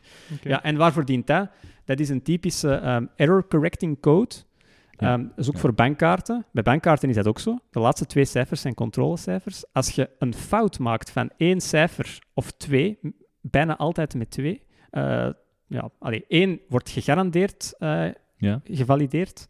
Bij twee, in een heel uitzonderlijk geval, zouden bij twee fouten zou het toch eh, herkend kunnen worden als juist. Mhm. Maar het herkent dan van dit is geen geldig nummer. Dus wij staan allemaal ergens in een Excel- Excel-sheet van de overheid. En elk veld is ehm, wijzigbaar. Zelfs ons geslacht is wijzigbaar. Ons, eh, Ik ben niet helemaal mee met de wetgeving, maar vermoedelijk wel. Ja. Ik vermoed dat veel velden wijzigbaar zijn. ja, voilà, onze, onze job, onze... Ik, ik, ik zeg nu maar wat ik denk, hè, onze woonplaats. Ja. En dan het enige nummer dat voor ons identiek is in het hele Koninkrijk België, dat is te achterhalen aan de hand van de gegevens die dat er op dat moment in de andere velden staan. Dat klopt. En dus, concreet, ehm, er, zijn, er zijn bedrijven waarin dat je, ehm, als je daar een, een dossier hebt of klant zij, dat je daar ehm ziet waar dat die wilde hebben gekocht, dat je dan als controle het Rijksregisternummer moet meegeven. Ja. In de veronderstelling, enkel die persoon zelf kan dat. Hm. Ja. Waarom is dat niet sluitend? Omdat veel mensen hebben een Facebook-profiel, zijn daar niet zo, ehm, hebben dat misschien niet altijd niet zo beschermend over. Je kunt dus die mensen in hun geboorte, in hun, verjaardag hadden, als je die een hebt, je, weet je moet zelfs niet exact weten hoe oud dat ze zijn. Je moet maar een paar keer proberen. Hè? Ja. Ehm, je weet ongeveer hoe oud. Dus je hebt de geboortedatum, je weet het geslacht. Vanaf dan moet je nog maar 500 keer proberen, hoogstens, om in te breken. En nu gaat iemand, en dit Hmm. argument heb ik dus ook gehoord eh, destijds, van 500 keer proberen, wie gaat dat doen? Dat is een computer. Een computer, een computer gaat dat gewoon doen. Hè? Die gaat dat gewoon af. En die breekt in in uw gegevens. Ik, onlangs, ik ging ehm, schoenen kopen bij Torfs. Ik weet- ja, het klinkt Beetje triviaal. sluikreclame, Klinkt dat mag, hè, dat mag. Eh, nee, het is niet Het echt... zijn mooie, het zijn mooie Het schoenen. is niet, het is niet echt reclame. Je hebt wel goed ehm, de lokale economie gesteund. Hè? Dat zal, Zeker, dat ja, zal ja. de Wouter wel plezant vinden. Zeker en zeker en vast in Bord Meerbeek. En ehm, ik ging naar de kassa en die mevrouw die zegt, ja, oké, dat is dan, ik weet niet wat dat was, pakt 150 euro of zoiets, twee paar schoenen. Oh, En die zegt, ja, oké, ehm, mag ik uw identiteitskaart? ik zeg, "Wa- voor wat heb je dat nodig? Ah ja, ja, ja eh, dat is dan voor een klantenvoordeel enzovoort. En dan wordt dat ingescand. En dan, als je dan aan de 15 punten komt, hè, dan krijg je ehm 15 euro korting Mm. of zoiets. En ik zeg, ja, nee, we gaat dat toch niet mogen? En die zo, ah ja, maar het is voor korting. Hè? Ik zeg, nee, ja, nee, gaat dat toch niet mogen? Ah ja, oké. Maar dat is dan uw goed recht, hè, meneer? Ik zeg, ja, het zal nog niet zijn dat dat mij goed... Maar mocht je dat, mogen bedrijven zoals een mediamarkt, die dat standaard vragen, moet, moet de garantie op een identiteitskaart of gewoon op een kastiketje, mogen die uw identiteitskaart vragen? Ik weet dat dat regelgeving dat dat misschien wat moeilijk is, maar vragen twee juristen aan. vragen twee juristen. Ik heb, ik heb, eigenlijk, eh, ik heb eigenlijk nog nooit op die, op die manier met, ik heb nog nooit echt met persoonsgegevens gewerkt. Ik ben die al wel sluiksgewijs, Ja, komen ja. die soms tegen. Wat dat ook een probleem. Maar bon, ehm, ik weet het niet. Ehm, ik zou die van mij nooit geven. En daarom, en dit is ook, dit is ook heel het punt waarom dat ik zeg van, we gaan toch niet toestaan dat er een, een, een vingerafdruk op een identiteitskaart staat, die gaat er kunnen worden afgehaald. die Dat kan worden kunnen gehackt. gebeuren. En als er iemand de schuld van, ik weet niet, een moord in uw schoenen wilt schuiven of zoiets, die pakt uw vingerafdruk. Want nu wordt er gezegd, die vingerafdruk die gaat gebruikt worden voor identiteitsfraude. Waarom, dat weet ik niet, want het maakt het nog meer prone voor identiteitsfraude, lijkt me, als ze het weten. Allee, dat is weer al die, die verificatie, hè, om te kijken of dat jij het gaat Mm. we u... Maar je zegt altijd, je Ja, ik ben, niet zo, ik ben niet zo thuis in eh, het zwarte circuit van eh, vinger, ving- vingerafdrukken verkopen. Eh, wel, maar ding is, maar je zegt, eens dat het gehackt kan worden, dan zitten we met een probleem en we moeten er altijd van uitgaan dat dat kan Ja. gebeuren. Natuurlijk. Stel je nu voor dat in een later geval die vingerafdruk ook gaat gebruikt worden voor het opsporen van misdrijven. Eh, ja, ik denk nog wel dat dat Waarom zetten ze hem er anders in? Ja, ik dacht dat het enkel was ter verificatie van uw identiteit. Als je ergens aanmeldt als nieuwe klant, in plaats van u ook uw rijksregisternummer te geven, dat je ook uw vingerafdruk geeft. Als het enkel dat is, Dan um, de, de KU Leuven heeft een, een studie uitgevoerd een jaar geleden naar um, wat vinden we van het voorstel van de nieuwe identiteitskaart. Die studie was vernietigend. Um, de nieuwe identiteitskaart komt er toch. Wat was ja, ik heb die paper een keer door, doorsnuisterd. Hoe, de studie, dus ook met een enquête in de zin van... Nee, nee, nee. Ah, nee dus een, een, studie naar de technische, de technische vereisten. Het was een studie van, van, van de cryptografiedienst. Oké, okay, ja, ja, ja. Dus de, de, de vraag, kan het gehackt worden? Ja, bijvoorbeeld... Ja, ja, ja veiligheid, dat wordt geleid door Bart Preneel. Dat is wel een naam in de cryptografiewereld. Bon. En het gaat erover...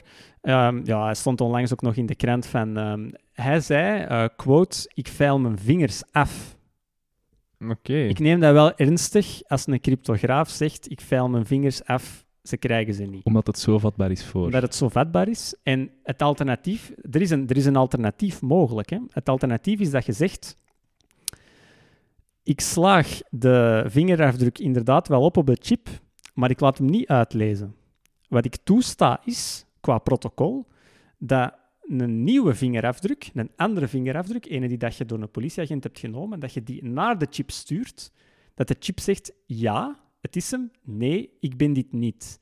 Maar dat dat in die chip gebeurt op een zwaar beveiligd circuit, mhm. wat dat je niet zo... wat dat je, natuurlijk, niks is onhackbaar, maar dat je dat op die chip doet. Want doordat je nu de verificatie buiten de chip laat plaatsvinden, dat je zegt van de, de vingerafdruk moet uitleesbaar zijn, laat je de poort open om een databank aan te leggen. En de regering heeft gezegd, we leggen de databank niet aan, maar dit is gewoon hetgeen wat dat je vaak ziet in zo van die cases. Um, daar is ook een naam voor, um, function creep, waarin dat je zegt, we, leggen de, we, leggen, we laten de technische mogelijkheid open, we beloven het niet te doen, maar over tien jaar is Jan Jan Bon niet meer op die stoel en weten we niet wat er ermee gaat gebeuren. Hm. Zeg, en met die vingerafdrukken, want in paspoorten zit dat toch ook al standaard? Zijn onze vingerafdrukken niet al gekend? Want allee, ik kan me precies herinneren dat ik met mijn paspoort de laatste keer dat ik iets heb moeten doen van vingerafdrukken.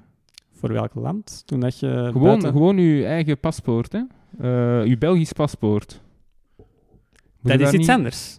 Uh, dan, dan staat hij niet bij mij weten staat die niet op uw identiteitskaart. Die staat ergens op een centrale server van de overheid. Denk maar ja, naar veiligheid toe is dat toch even gevaarlijk, nee? Want die database bestaat die dan al niet?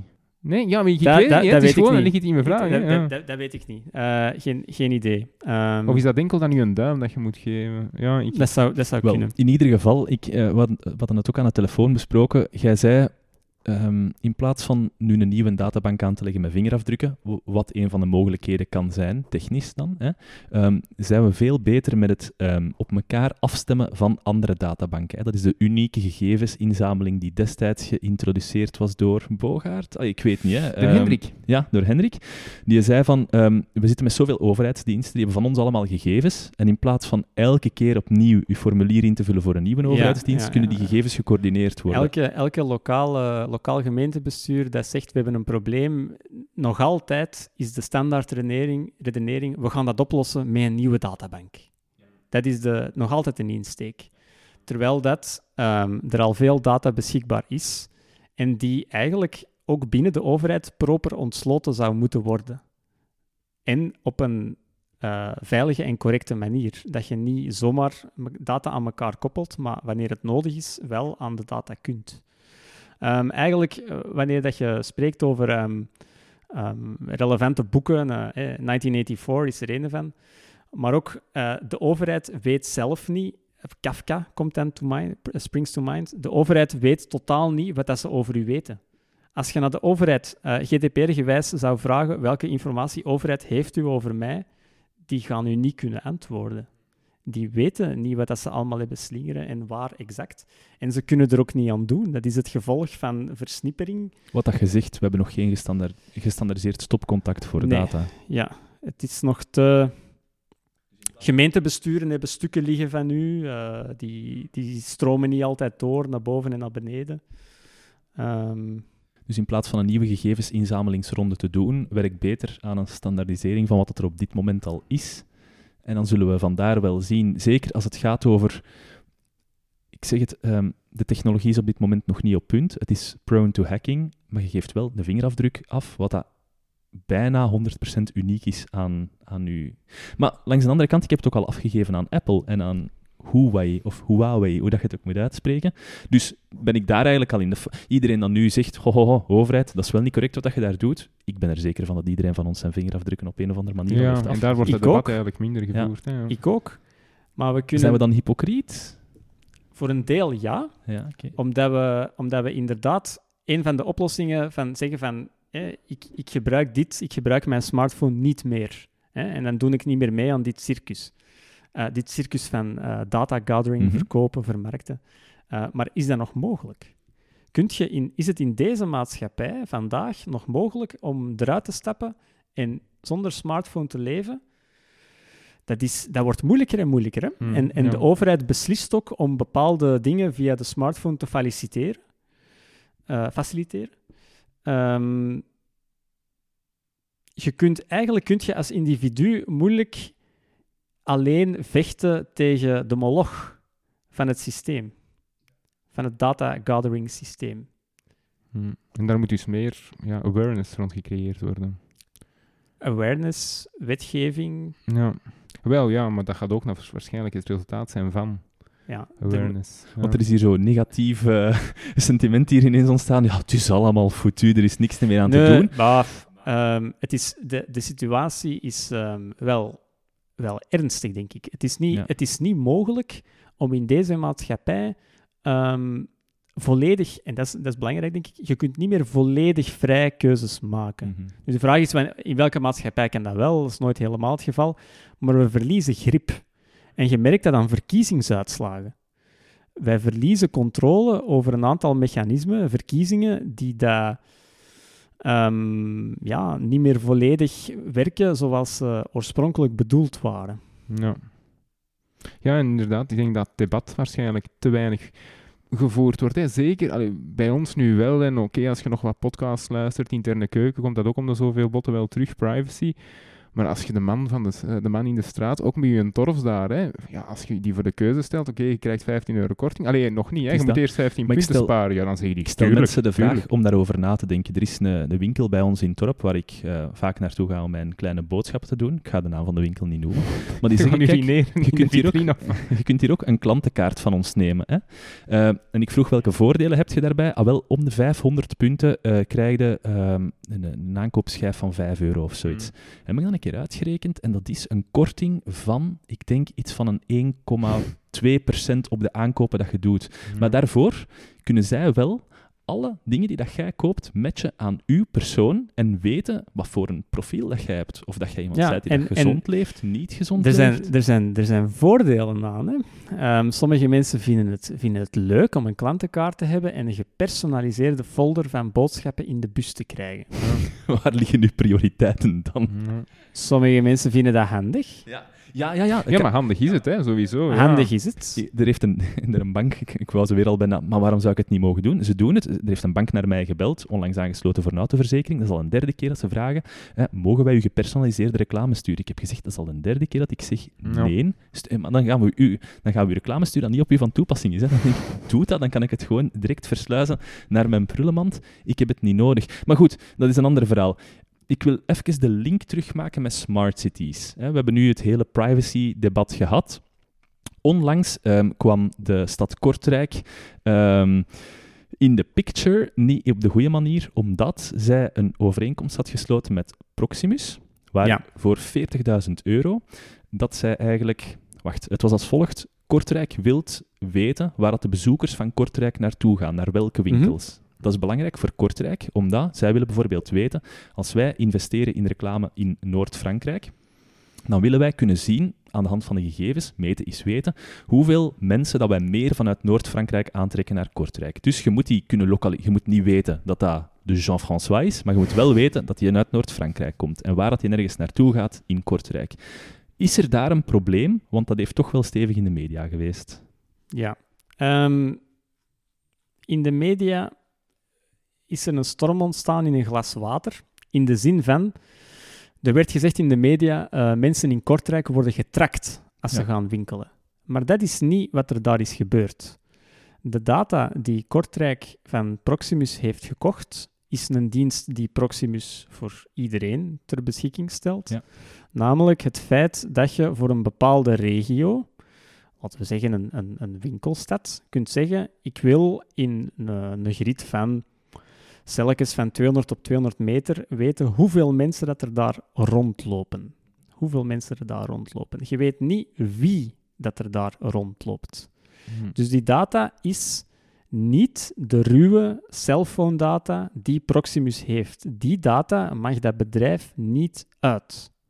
En er werd dan ge, gehengeld, eh, gealludeerd in de media, ja, maar als je vier datapunten hebt van eh cellphone eh, manufacturer, cellphone provider, dan kun je iemand volledig eh, traceren, dan weten we dat je s'nachts slaapt en overdag werkt.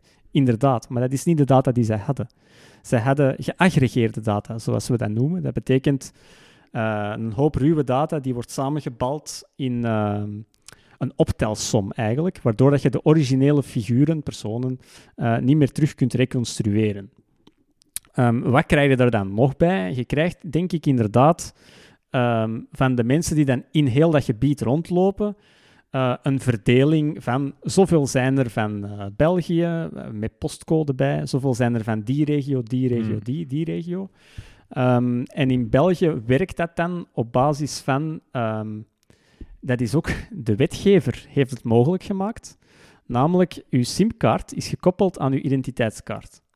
Dus dat betekent, als die zeggen, als eh, in die rapporten staan in Kortrijk van eh 10% van de mensen die hier komt winkelen is afkomstig van Gent, dan bedoelen ze eigenlijk technisch gezien het volgende.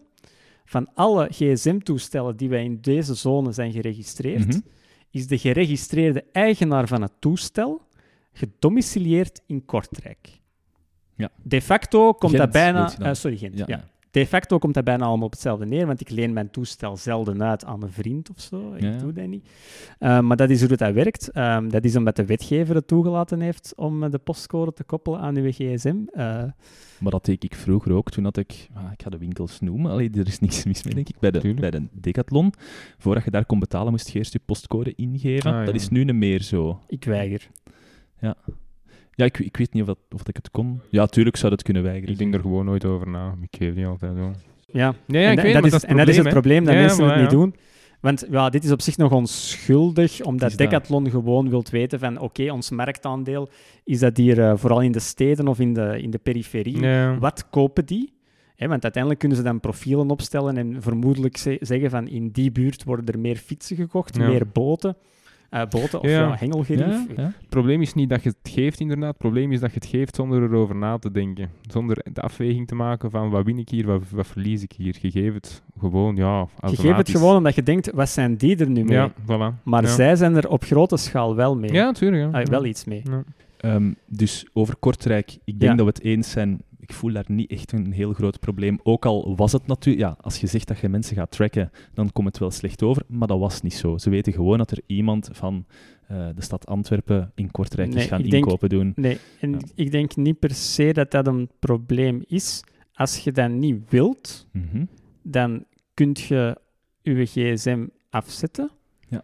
Of, ai, dat weet ik niet, ik weet niet zeker of dat je... Ik denk dat in de, in de rond wat er gebeurd is, dat je dan bij Proximus een opt-out of zoiets... ik weet niet of ze dat dan hebben toegestaan. Ehm, Dan heb ik er nog een volgende casus. Hè? Een, iets, een iets straffere casus. Dus in Londen is er vanaf nu eh, door de Metropolitan Police de eerste gezichtsherkenningscamera geïnstalleerd. Hè? Een van de elementen die dat belangrijk daarvoor was, is... Ik ga het even eh, vertalen wat dat er werd gezegd. Ehm, het publiek verwacht van ons dat we alle beschikbare technologieën inzetten om criminelen te stoppen. ik, behoor, ik behoor niet tot dat publiek, denk ik. die Ik behoor ook niet tot dat publiek. we alle mogelijke technologieën gaan inschakelen. Ehm, dat is ook wat dat ze in China doen. Ik ga een voorbeeld geven. In China, ik denk dat het een actrice was in China die enorm veel strafpunten kreeg op haar sociale konto. Dus Black Mirror gewijs is er in China een systeem dat werkt met een sociale score. Eh, water alsjeblieft, ja. Een sociale score. Ehm, en als je iets fout doet, dan worden die punten van je sociale score afgetrokken en heb je een langere wachttijd. Bij... Het is echt Black Mirror. Mhm. Ehm, en wat blijkt, die mevrouw die kreeg ineens heel veel strafpunten op haar konto, omdat zij zogezegd een aantal keer door het rode licht zou zijn gewandeld. Maar dat was toevallig haar gezicht die dat ergens op een bus kleefde voor eh, promotiemateriaal. En die bus die reed dan uiteraard, als het licht voor de voetgangers rood was, reed die bus voor, eh, voorbij en dan kreeg die strafpunten. Dat allemaal wat meegenomen. Wat vind je van gezichtsherkenningscamera's in het straatbeeld? Ik vermoed dat dat in België, dat, dat gaat er niet doorkomen door de België is een no-go, Ja. denk ik, eh, op dit moment. Eh, en ik hoop dat dat absoluut zo blijft. Maar ja, als je ziet naar die vingerafdrukken, als dat er uiteindelijk dan, hè, die vernietigende studie, en uiteindelijk doen ze gewoon hun goesting. Dat is Het weer die probleem, vraag is, het probleem is dat priva- privacy, het privacyrecht is volledig, volledig achterhaald. Dat gaat uit van een scheiding tussen het oude privacyrecht is van de beginselen wat je doet in je huis Ja. is privaat en zodra dat je op straat komt is het openbaar. Ja. Maar we weten allemaal momenteel met een gsm, de dingen die wij thuis doen lekken ook naar buiten. Namelijk de foto's die jij thuis trekt, Ja. die lekken via dataproviders naar buiten. Dus eigenlijk zit dat helemaal verwrongen. Oké, ja, dat is, dat is goed wat je daar zegt. Ehm, je kunt niet meer zeggen dat alles wat je thuis doet privaat is. Dat wordt door... ah, ik bedoel, mails worden... Metadata van mails wordt... eh, Welke film ik thuis op Netflix zie, dat weten ze. Oh, Ook ja. al gebeurt het. Oh, yes. ja, ja het is, het is, die, dat, dat onderscheid bestaat niet meer. Hm. Ah, wel, maar die camera's met gezichtsherkenning, pff. Allee, je zegt nu, dat gaat er nooit komen. Hè? Dat heb ik niet gezegd. Ik hoop absoluut Ja, dat we dat niet op die manier, als dat in China werkt, eh, in onze contraien zouden krijgen. Maar ja, maar je ziet toch dat het beleid eigenlijk waarschijnlijk ook gedreven door het populair zijn van hè, orde en, en eh, veiligheid. Een politieke partij die zegt Veilig Vlaanderen, Ja, bijvoorbeeld. bijvoorbeeld. eh, Dat die zeer geneigd zijn om tegen wetenschappelijke studies in te zeggen, we doen het toch. Dus dan vraag ik mij af, ja... Gaan wij zo, wederom gaan zo sterk zijn om te kunnen zeggen, als maatschappij zijnde, van we kunnen het. En inderdaad, hè, naar orde en veiligheid toe, gaat dat ons wel opleveren in de zin van naar criminaliteitscijfers of het oplossen van, ehm, het oplossen van misdrijven, gaat dat ongetwijfeld heilzaam zijn. Gaan we ons daar kunnen zeggen van nee, we gaan ons dat beperken, want onze privacy is daar belangrijker. Gaan we dat als in, die, maatschappij in kunnen? die setup zouden kunnen zeggen, ja, voor het, voor het opsporen van geseinde criminelen staan we Hmm. dat toe. Oké. Ja, oké. Het probleem is, vanaf dan zit je op een hellend vlak, Ja, ja. namelijk dat er overal mensen gescreend worden Hm. en dat je gedrag kan worden gestuurd. Het is nooit oké dat de overheid of een grote moloch eh, qua speler Facebook, Google, en daarvoor is het eigenlijk al te laat, weet waar dat jij uithangt. Het is belangrijk voor de democratie dat jij vrij kunt bewegen. Ehm, samenscholingsverboden die worden opgelegd op basis van uw gedrag of zo, dat, dat zou niet meer ondenkbaar worden. Hè. Het zou niet meer ondenkbaar worden. Ja, Hongkong, heb het maar even voor. Hè? Dat het maar ineens eh, voor, China ja. zegt, vanaf nu, ehm, al, als we je gezicht zien, is het gedaan. Vliegt Ja. in een bak. En dat protest is daar op die manier gewoon onmiddellijk de kiem ingesmoord.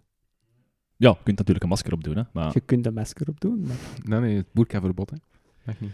dat is waar. Dat is waar. Ehm, eh, Maar jij had gezegd, oké, dus, dus de status quo is op dit moment, ehm, we zitten in een systeem waarin dat onze data wordt gebruikt en het is moeilijk om daarvan af te stappen. Maar jij had gezegd, tijdens ons gesprek, ehm, er is een manier waarop dat we daarmee kunnen omgaan. En dan in de zin van, geef uw data af aan bijvoorbeeld eh, een energieleverancier en zij geven u inzicht in uw data, waardoor jij uw consumptiepatroon kunt aanpassen.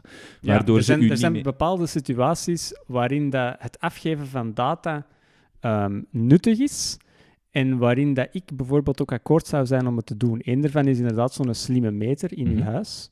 Eh, een ander is als je bijvoorbeeld een app zou maken waarbij dat de fietser bij een ehm, slim verkeerslicht sneller groen zou krijgen. Daar ben ik... Ik zou dan... Ik, dan maakt je zelf de, persoonlijke, de afweging van doe ik het of doe ik het niet. Je zegt het probleem met het afgeven van gegevens is dat mensen u gaan sturen. Maar als jij gegevens afgeeft en ze geven u informatie waardoor dat jij gericht beter Als kunt... je zelf... dat, Als, je, dat je er weet van hebt dat je het aan het doen bent. Want Ja, ze zijn ook een- een beetje aan het sturen. ja, hè? er is, een, er is een dunne lijn tussen, tussen nudging en, ehm, en, en vlak afsturen en verbieden. Ehm, en ik denk dat nudging in de vorm van het teruggeven van informatie over je eigen gedrag een van de meest interessante mechanismen is om eh, de maatschappij op een vriendelijke manier te sturen. En sturen, ja, du- duwen zou Mhm. ik dan, dan verkiezen als term. Ehm, omdat je dan eigenlijk ehm, zegt aan die gebruiker van kijk, dit is uw gedrag en nu kun je beslissen om er iets mee te doen of niet. Die Mhm. beslissing ligt bij u. Ja. In tegenstelling tot enkel, we gaan u filmen op straat en zodra dat je ene keer eh, een rood licht oversteekt, sturen we de boete op. Hm. Je, moet, je moet ook als, eh, maar dat is, een, ja, dat, is een persoon, dat is een zeer persoonlijke mening, je moet als individu in de maatschappij de, nog altijd de kans krijgen om af en toe de regels te breken, om Mhm. iets duidelijk te maken. Hè. Eh, wetten worden pas gemaakt op het moment dat een bepaalde vorige situatie onhoudbaar is geworden. En in die vorige situatie waren er veel mensen die die wet overtraden om te bekomen Hè, Ja, dat die nieuwe wet- ongehoorzaamheid. ja, Ja. burgerlijke ongehoorzaamheid moet kunnen bestaan. Zeg, nog een eh, probleem ik misschien met, met het hele smart city gebeuren. Eh, enkele dagen geleden stond in de krant van eh, AI, hè, dus machine learning, naar recrutering toe. Dat er profielen hè, die door machine learning, ja, je hebt het waarschijnlijk ook gelezen, want jij leest ook de morgen, ja, hè, dus eh, door eh, machine learning werden die profielen gejaagd.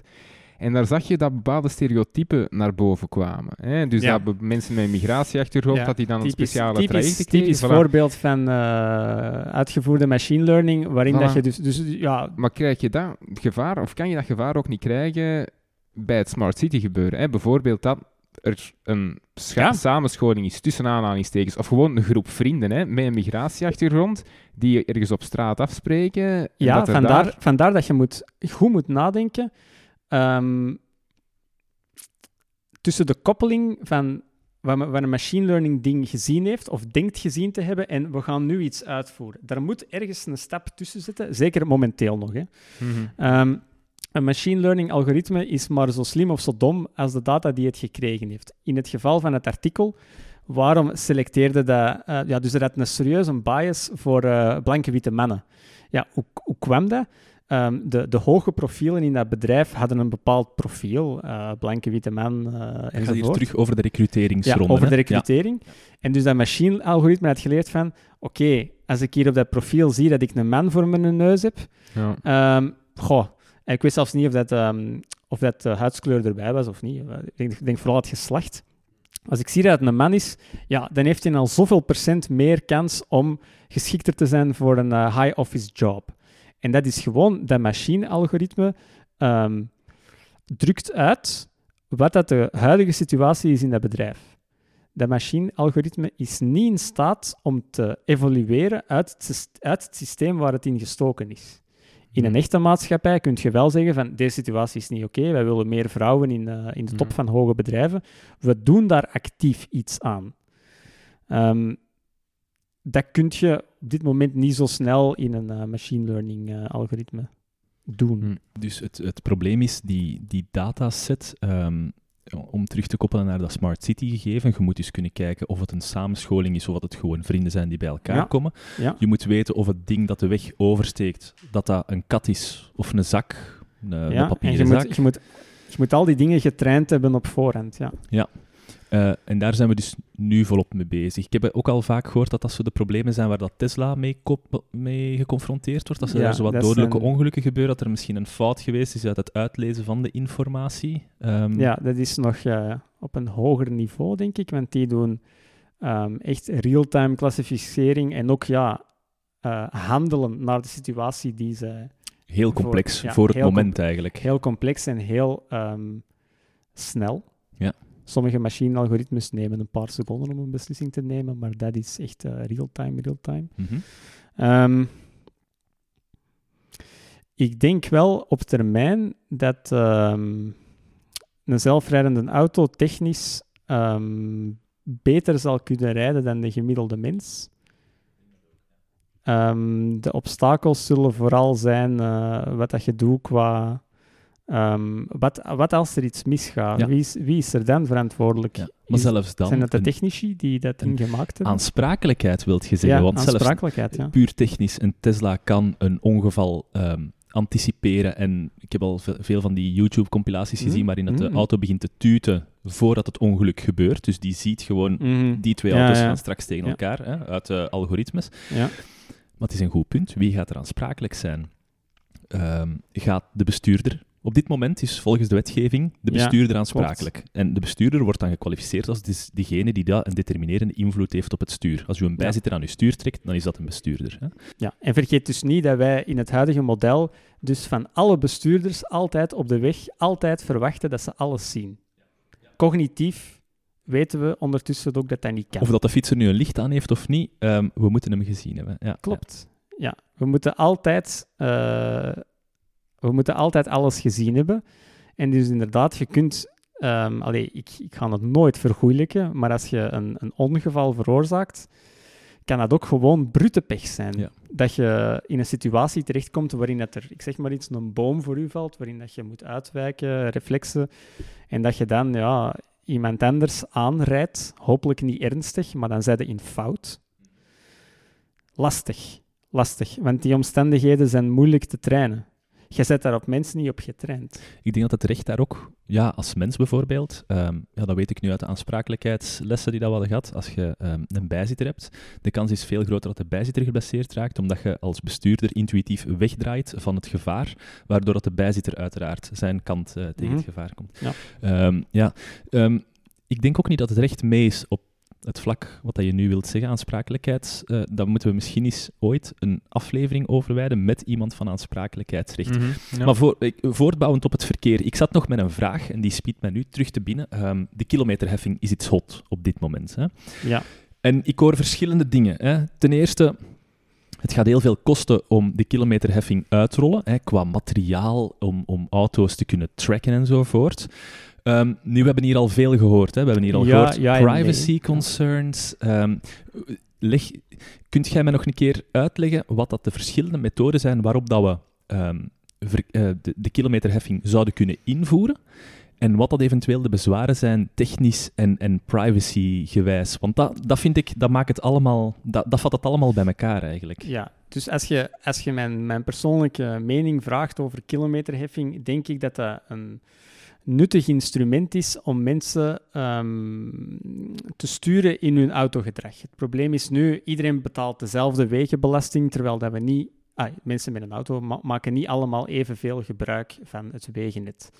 Dus in dat opzicht vind ik het wel eh, fair en zouden we het ook kunnen sturen in de richting dat we mensen die niet kunnen, zoveel mogelijk uit de spits proberen te halen. Enige nadeel, ehm, de lagere sociale klassen die veelal in shiften werken, hebben weinig, hebben weinig impact Ja. op wanneer ze op de baan zijn. Ja, ja. Dat is een genuine concern, vind ik, waar we Mhm. rekening mee moeten gehouden om te zorgen worden dat we die niet consequent de hoogste prijs laten betalen. Ja, maar er zijn, ik, hoor- ik, ik hoor dat vaak als argument, maar je kunt heel vaak zeggen, eh, kijk, kilometerheffing vanaf een bepaald inkomensniveau rekenen we dat door. Er zijn altijd flankerende maatregelen op dat vlak. Ja. Ja, we moeten gewoon zien dat die dan genomen worden. Maar als ik nu hoor mensen responsabiliseren met die kilometerheffing, is dat Ja. dan niet een stuk contradictorisch? Ik speel ook weer advocaat van een duivel, hè? een stuk contradictorisch met het gedrag dat dan nu banken of verzekeringsmaatschappijen stellen in de zin van uw profiel uitlezen, doe jij aan sport, rookte jij, et cetera. Dat zijn toch ook dingen die maken, ja, je verhoogt het risico, waar dat dan een soort van... Allee, hier is dan, hè, je maakt meer gebruik van de wegen, daar verhoogt het risico, ook een stukje responsabiliseren. Als je meer rijdt, betaal je meer. Als je rookt, weten wat de consequentie is, dus verhogen we je premie. Ik weet ook niet het antwoord, hè, maar... Is, het, is, het, is, het is een, het is een eh, zeer terechte vraag. En ik denk dat dat een, een vraag is die je als maatschappij moet stellen: van waar willen we naartoe? Mhm. Vinden we het oké dat we met z'n allen onbezoldigd rondrijden?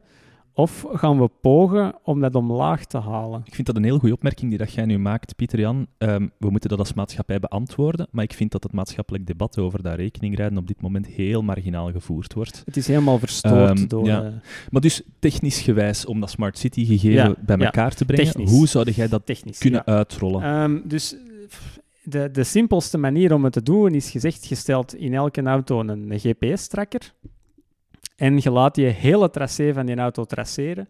Je stuurt dan naar, naar, naar Brussel, naar de centrale databank en je laat daar eh, ja, door een computer hè, uitrekenen van jij hebt op die moment daar gereden, dit is de rekening. Hm. Ehm, dat werkt. Ehm, ja, privacygewijs is dat een, ehm, een ramp. Omdat je van iedereen alle tracés hebt. Ehm, ja, het eerste wat je kunt doen, is je kunt elke dag ehm, die, ehm, die zender die in de auto zit eh, laten veranderen van ID, zodat je tussen dagen niet kunt koppelen. En vanaf dan noemen ze dat gep- gepseudo-anonymiseerd. Ehm, nu, iemand die ja, een beetje kaas heeft gegeten van hoe dat je in zo van die datasets rondwandelt, weet dat als je op een maandag van de ene week tracé X hebt gezien en je ziet het de volgende maandag opnieuw, gaat waarschijnlijk dezelfde persoon zo zijn. flexibel zijn die computerpatronen niet. Hè? Is, Nee. eh, ja. Nee, inderdaad. Dus dat is eh, problematisch. Ehm, eigenlijk waar dat je naartoe wilt is. ehm, de over, opnieuw, de overheid heeft eigenlijk de tracés niet nodig. Wat is de incentive van de overheid? Wij willen weten hoeveel, dat we, eh, hoeveel belasting dat we willen heffen. En eventueel ook welke wegen worden er intensief gebruikt, zodat we op tijd eh, correct aan wegbeheer kunnen doen. Uh, Mhm. Het asfalteren van dingen, onderhoud enzovoort. En je zou dat op een andere manier kunnen doen om te zeggen: ehm, we, we installeren een vorm van ehm, ehm, poortjes en we zetten in elke auto een, eh, een, een- ja, een unit, Een peagepoortje. ja, een, pea- een peagepoortje. En het, het traject, het berekende traject, wordt niet centraal uitgerekend, maar in de auto zelf. Ah, ja. Dus de auto zelf berekent, oké, je hebt hier al zoveel meter rondgereden en die poortjes, het enige wat die zien is niet per se, is niet wie dat er rondrijdt, dat hoeven die niet te zien, die zien gewoon hoeveel. Dus de overheid weet hoeveel dat er wordt gereden. Iedereen krijgt individueel eh, een rekening. Ehm, dat zou al iets beter zijn. Bijvoorbeeld, ja, er, er zijn bestaande systemen. eh, in Canada heb ik zo'n systeem gezien waarop dat je bepaalde betaalwegen hebt. Ehm, en daar heb je dan inderdaad zo'n poortsysteem. En je kunt zo'n tracker, eh, je hebt dan zo'n tracker. Dus eh, puur infrastructureel, ehm, want bij een peage beelden we ons in heel veel mankracht die dat daar allemaal zit, maar je kunt even goed gewoon een, een, een soort van Ah. baar boven de straat doen, waar Ja, je dan onderrijdt, dus bijna niks qua op de, infrastructurele op, de huidige, op de huidige snelwegen hoefde niet per se iets nieuws te doen. Ehm, je hebt al die, hoe heet dat nu weer, die, eh, die zones waarin dat je de, Ja, ja. de snelheidsmeting doet over trajectcontrole. Trajectcontrole, Je hebt al ja, trajectcontrole. Dus je gebruikt gewoon bestaande infrastructuur. Om, ah, je rijdt af en toe wel eens een bord voorbij om gewoon daaronder ja, een, een zendertje te hangen. Dat zou Zo eenvoudig zou het kunnen zijn. in principe wel. Dat zal, dat zal nog altijd veel, eh, veel uitrol vergen.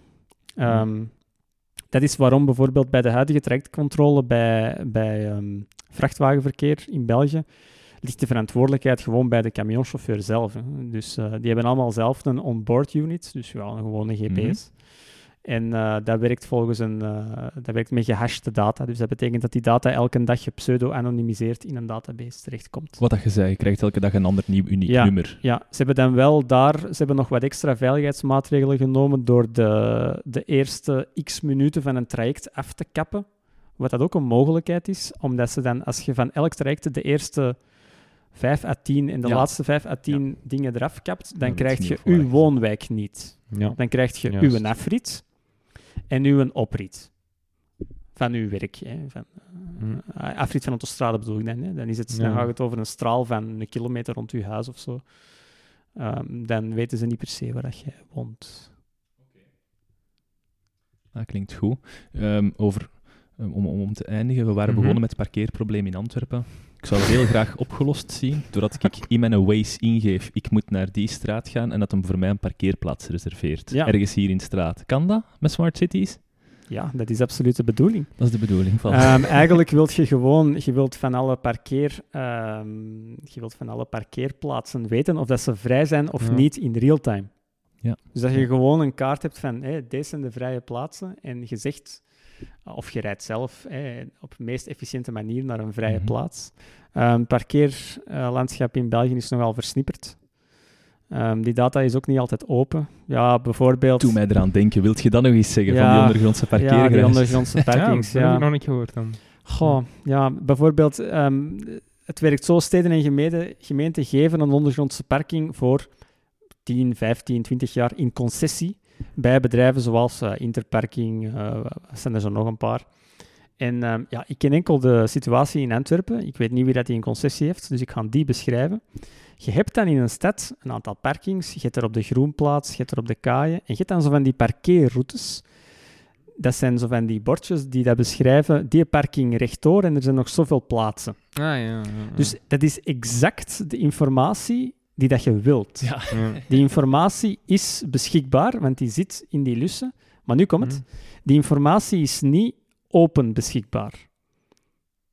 Die maatschappijen willen die informatie niet op internet open beschikbaar stellen. Die doen dat enkel op die borden. En waarom doen ze dat niet? Omdat als je die informatie real-time beschikbaar stelt op internet, dan kunnen concurrerende bedrijven die informatie beginnen uitlezen, analyseren en weten ze bij een volgende concessie exact wat de bezettingsgraad is van een parking en hoeveel dat ze dus moeten bieden om uit de kosten te geraken. Daarom doen ze dat niet. Opnieuw, hier laten steden en gemeenten zich geweldig rollen. Want wat zeggen ze dan? Ja, oké, we geven u die parking, hè, we geven die in concessie en ja, die bezettingsgraad, ja, weten we, eh, zet gewoon wat borden Ja, in de stad. over. Je hè, sponsor over zijn tevreden. Maar die borden staan op publiek domein. Hm, ja. Die staan daar wel. Dus wat zouden eigenlijk moeten doen als ehm, hacker? Je moet gewoon in het openbaar domein daar een camera zetten, die daarop richten en dat zelf uitskrepen en digitaal in de cloud omhoog gooien en publiek ontsluiten. Al dan niet verbinden met een Waze, dat uw Waze zegt, op een, je zet bijna Antwerpen binnen, dat je zegt, Ja. oh, die parking dat je hebt ingegeven, die zit vol, we leiden u om naar de Het volgende. ideale dat je wilt, is al het, al het soort informatie van Smart City die dat, ja, niet eh, veiligheids... eh, ja, bijvoorbeeld van die dingen zoals politie en zo, surveillance toestanden, dat, dat moet voor mij niet... Dat, dat mag je nooit op het internet, dat moet op een gesloten circuit. Ja, ja. Maar parkingdata en zo, ehm, data over luchtkwaliteit, eh, ja, al dat soort dingen, die moeten altijd, eigenlijk moet dat een standaard zijn, dat alle steden die gewoon globaal op het internet omhoog gooien. En als je dan een, eh, een Google Maps hebt en die zegt, jij rijdt langs daar, dat je dan die lokale dataset gewoon van het open internet kan plukken en zien, ah ja, dat is een fietsstraat. En jij wilt wel, jij bent hier met de fiets aan het rijden Hm. dan gaan wij u niet over de mer sturen, maar dan sturen wij u over eh, ja, de fietsstraten in de buurt daar, hè, de straten die specifiek daarvoor zijn. Dat, dat is nu momenteel nog niet mogelijk. Nee. Die, die data is er wel, maar Ja. niet goed ontsloten. Het is dat. Dat vond ik heel frustrerend in de zin van Waze is op een of andere manier al een klein beetje een smart city op zich, omdat die real-life verkeersinformatie geeft die interactief is. Gebruikers kunnen er iets op doen, maar als, Elk van, echt- elk van die platformen heeft quasi-monopolie. hè. Facebook heeft quasi-monopolie als het gaat over sociale netwerken. Waze heeft quasi-monopolie als het gaat over met een auto eh, gezellig, eh, efficiënt rondrijden, ongeacht eh, de, de aard van de buurt waarin dat je aan het rondrijden bent. het gebruik van sluipwegen enzovoort. En daarom moet de smart city gereguleerd worden vanuit de overheid van, willen we dat wel? Willen we wel dat we een Waze toelaten om in woonwijken rond te chasen? Waze is een typisch voorbeeld van een algoritme dat in ehm, Amerika is ontwikkeld en dat is naar Europa getransporteerd. Wat zegt het algoritme? Het algoritme zegt zo snel mogelijk van A naar B en eh, Amerikaanse steden zijn een typische gridstructuur. Dus het doet er niet toe waar exact dat je naar rechts gaat je moet gewoon op een bepaald naar, moment naar rechts. tuurlijk. Ja, ja. Maar in België, in Europa, heeft dat grote invloed. Als je een straat te vroeg naar links of naar rechts gaat, kom je in een woonwijk en niet op een hoofdweg. Dat maakt veel uit. En die algoritmes, ja, die die houden er gewoon geen rekening mee. Dat hoeft ook niet. nee, het is dat. Voor in, in die redenering. Hè. Maar ik vind het stuitend dat anno 2020 je zoveel informatie krijgt terwijl dat je je op de autostrade begeeft. Stilstaande wagen, verkeerscontrole daar, komt er allemaal op. Tot als je dan toekomt in eh, Mechelen. Ik was onlangs naar een voorstelling gaan kijken, 20 minuten op voorhand toegekomen. Je denkt, Mhm. ik ga mijn auto hier zetten. Oké, eerste argument is, je moet niet met een auto komen, maar probeer maar om 12 uur met de openbare vervoer naar huis te Ja. gaan. Swat. Ik probeer dan een, verkeer, eh, een, een, een parking te zoeken. Ik doe de hele parkeerroute en overal staat, net als je wilt binnenrijden, nee, het is volzet. En dan zit je daar. Ja, eh, en wat nu? Dus je wordt geconfronteerd met een heel slim systeem, met een heel dom systeem, dat gewoon rekent op brute kracht, red maar rond en vind maar iets. Wat dat... Onwaarschijnlijk. is. Onwaarschijnlijk, ja. ja, Ja. ja. Ja, dit is, het is typisch. Ehm, allee, we, zijn ook, we zijn ook bezig bij IMEC met eh ja, mobilidata. Dat is ja, een grootschalige uitrol die ja, onder andere die slimme verkeerslichten heeft. En ook het, het, het uitrollen van parkeerdata op een, op, een betere, op een betere manier, op een digitale manier, be- behoort ja, echt wel tot, tot, tot de doelen. Bijvoorbeeld in Nederland zie je dat ze al veel verder staan. Daar hebben ze... Klassieker. Ja, Ja. bijvoorbeeld, eh, allee, we zijn onlangs in, eh, in Utrecht geweest en eh, ehm, ja, die, die, die fietsparking, eh, onwaarschijnlijk. Allee, onwaarschijnlijk. Je hebt dus een fietsparking waarin dat elke fiets een, een dedicated spot heeft, waarin dan een sensor zit van vrij of niet vrij. En eh, in België zeggen ze dan van ja, de stations van eh, Leuven, Gent, ze kampen toch met zoveel fietsen die hier blijven staan. Ja, er is totaal geen eh, incentive, eh, er is geen manier om te zien systematisch hoe lang staat die fiets hier al. Het enige wat dat ze doen is, als ze zien dat er een platte band is, hangen ze er een Ja, papiertje een rond. Als die hier binnen een dan, maand niet weg is, alle weken, weg. Ja, Ja. ja. Mm. En aan wat ligt dat dan, dat wij zo achteruit lopen? Allee, of eh, dat Nederland vooruit loopt? Dat is gewoon de aard van het beestje. Hoe zit het eigenlijk in Wallonië? Want we hebben nu hè, smart cities. Eh, ja, misschien moeten we daar niet een heel debat over voeren, maar gewoon even de vraag. Hè, we hebben nu Roeselaar, Kortrijk, eh, Antwerpen opge opgesomd. Is daar in Wallonië niets mee bezig? Ehm, ja, de- daar heb ik minder zicht op. ja.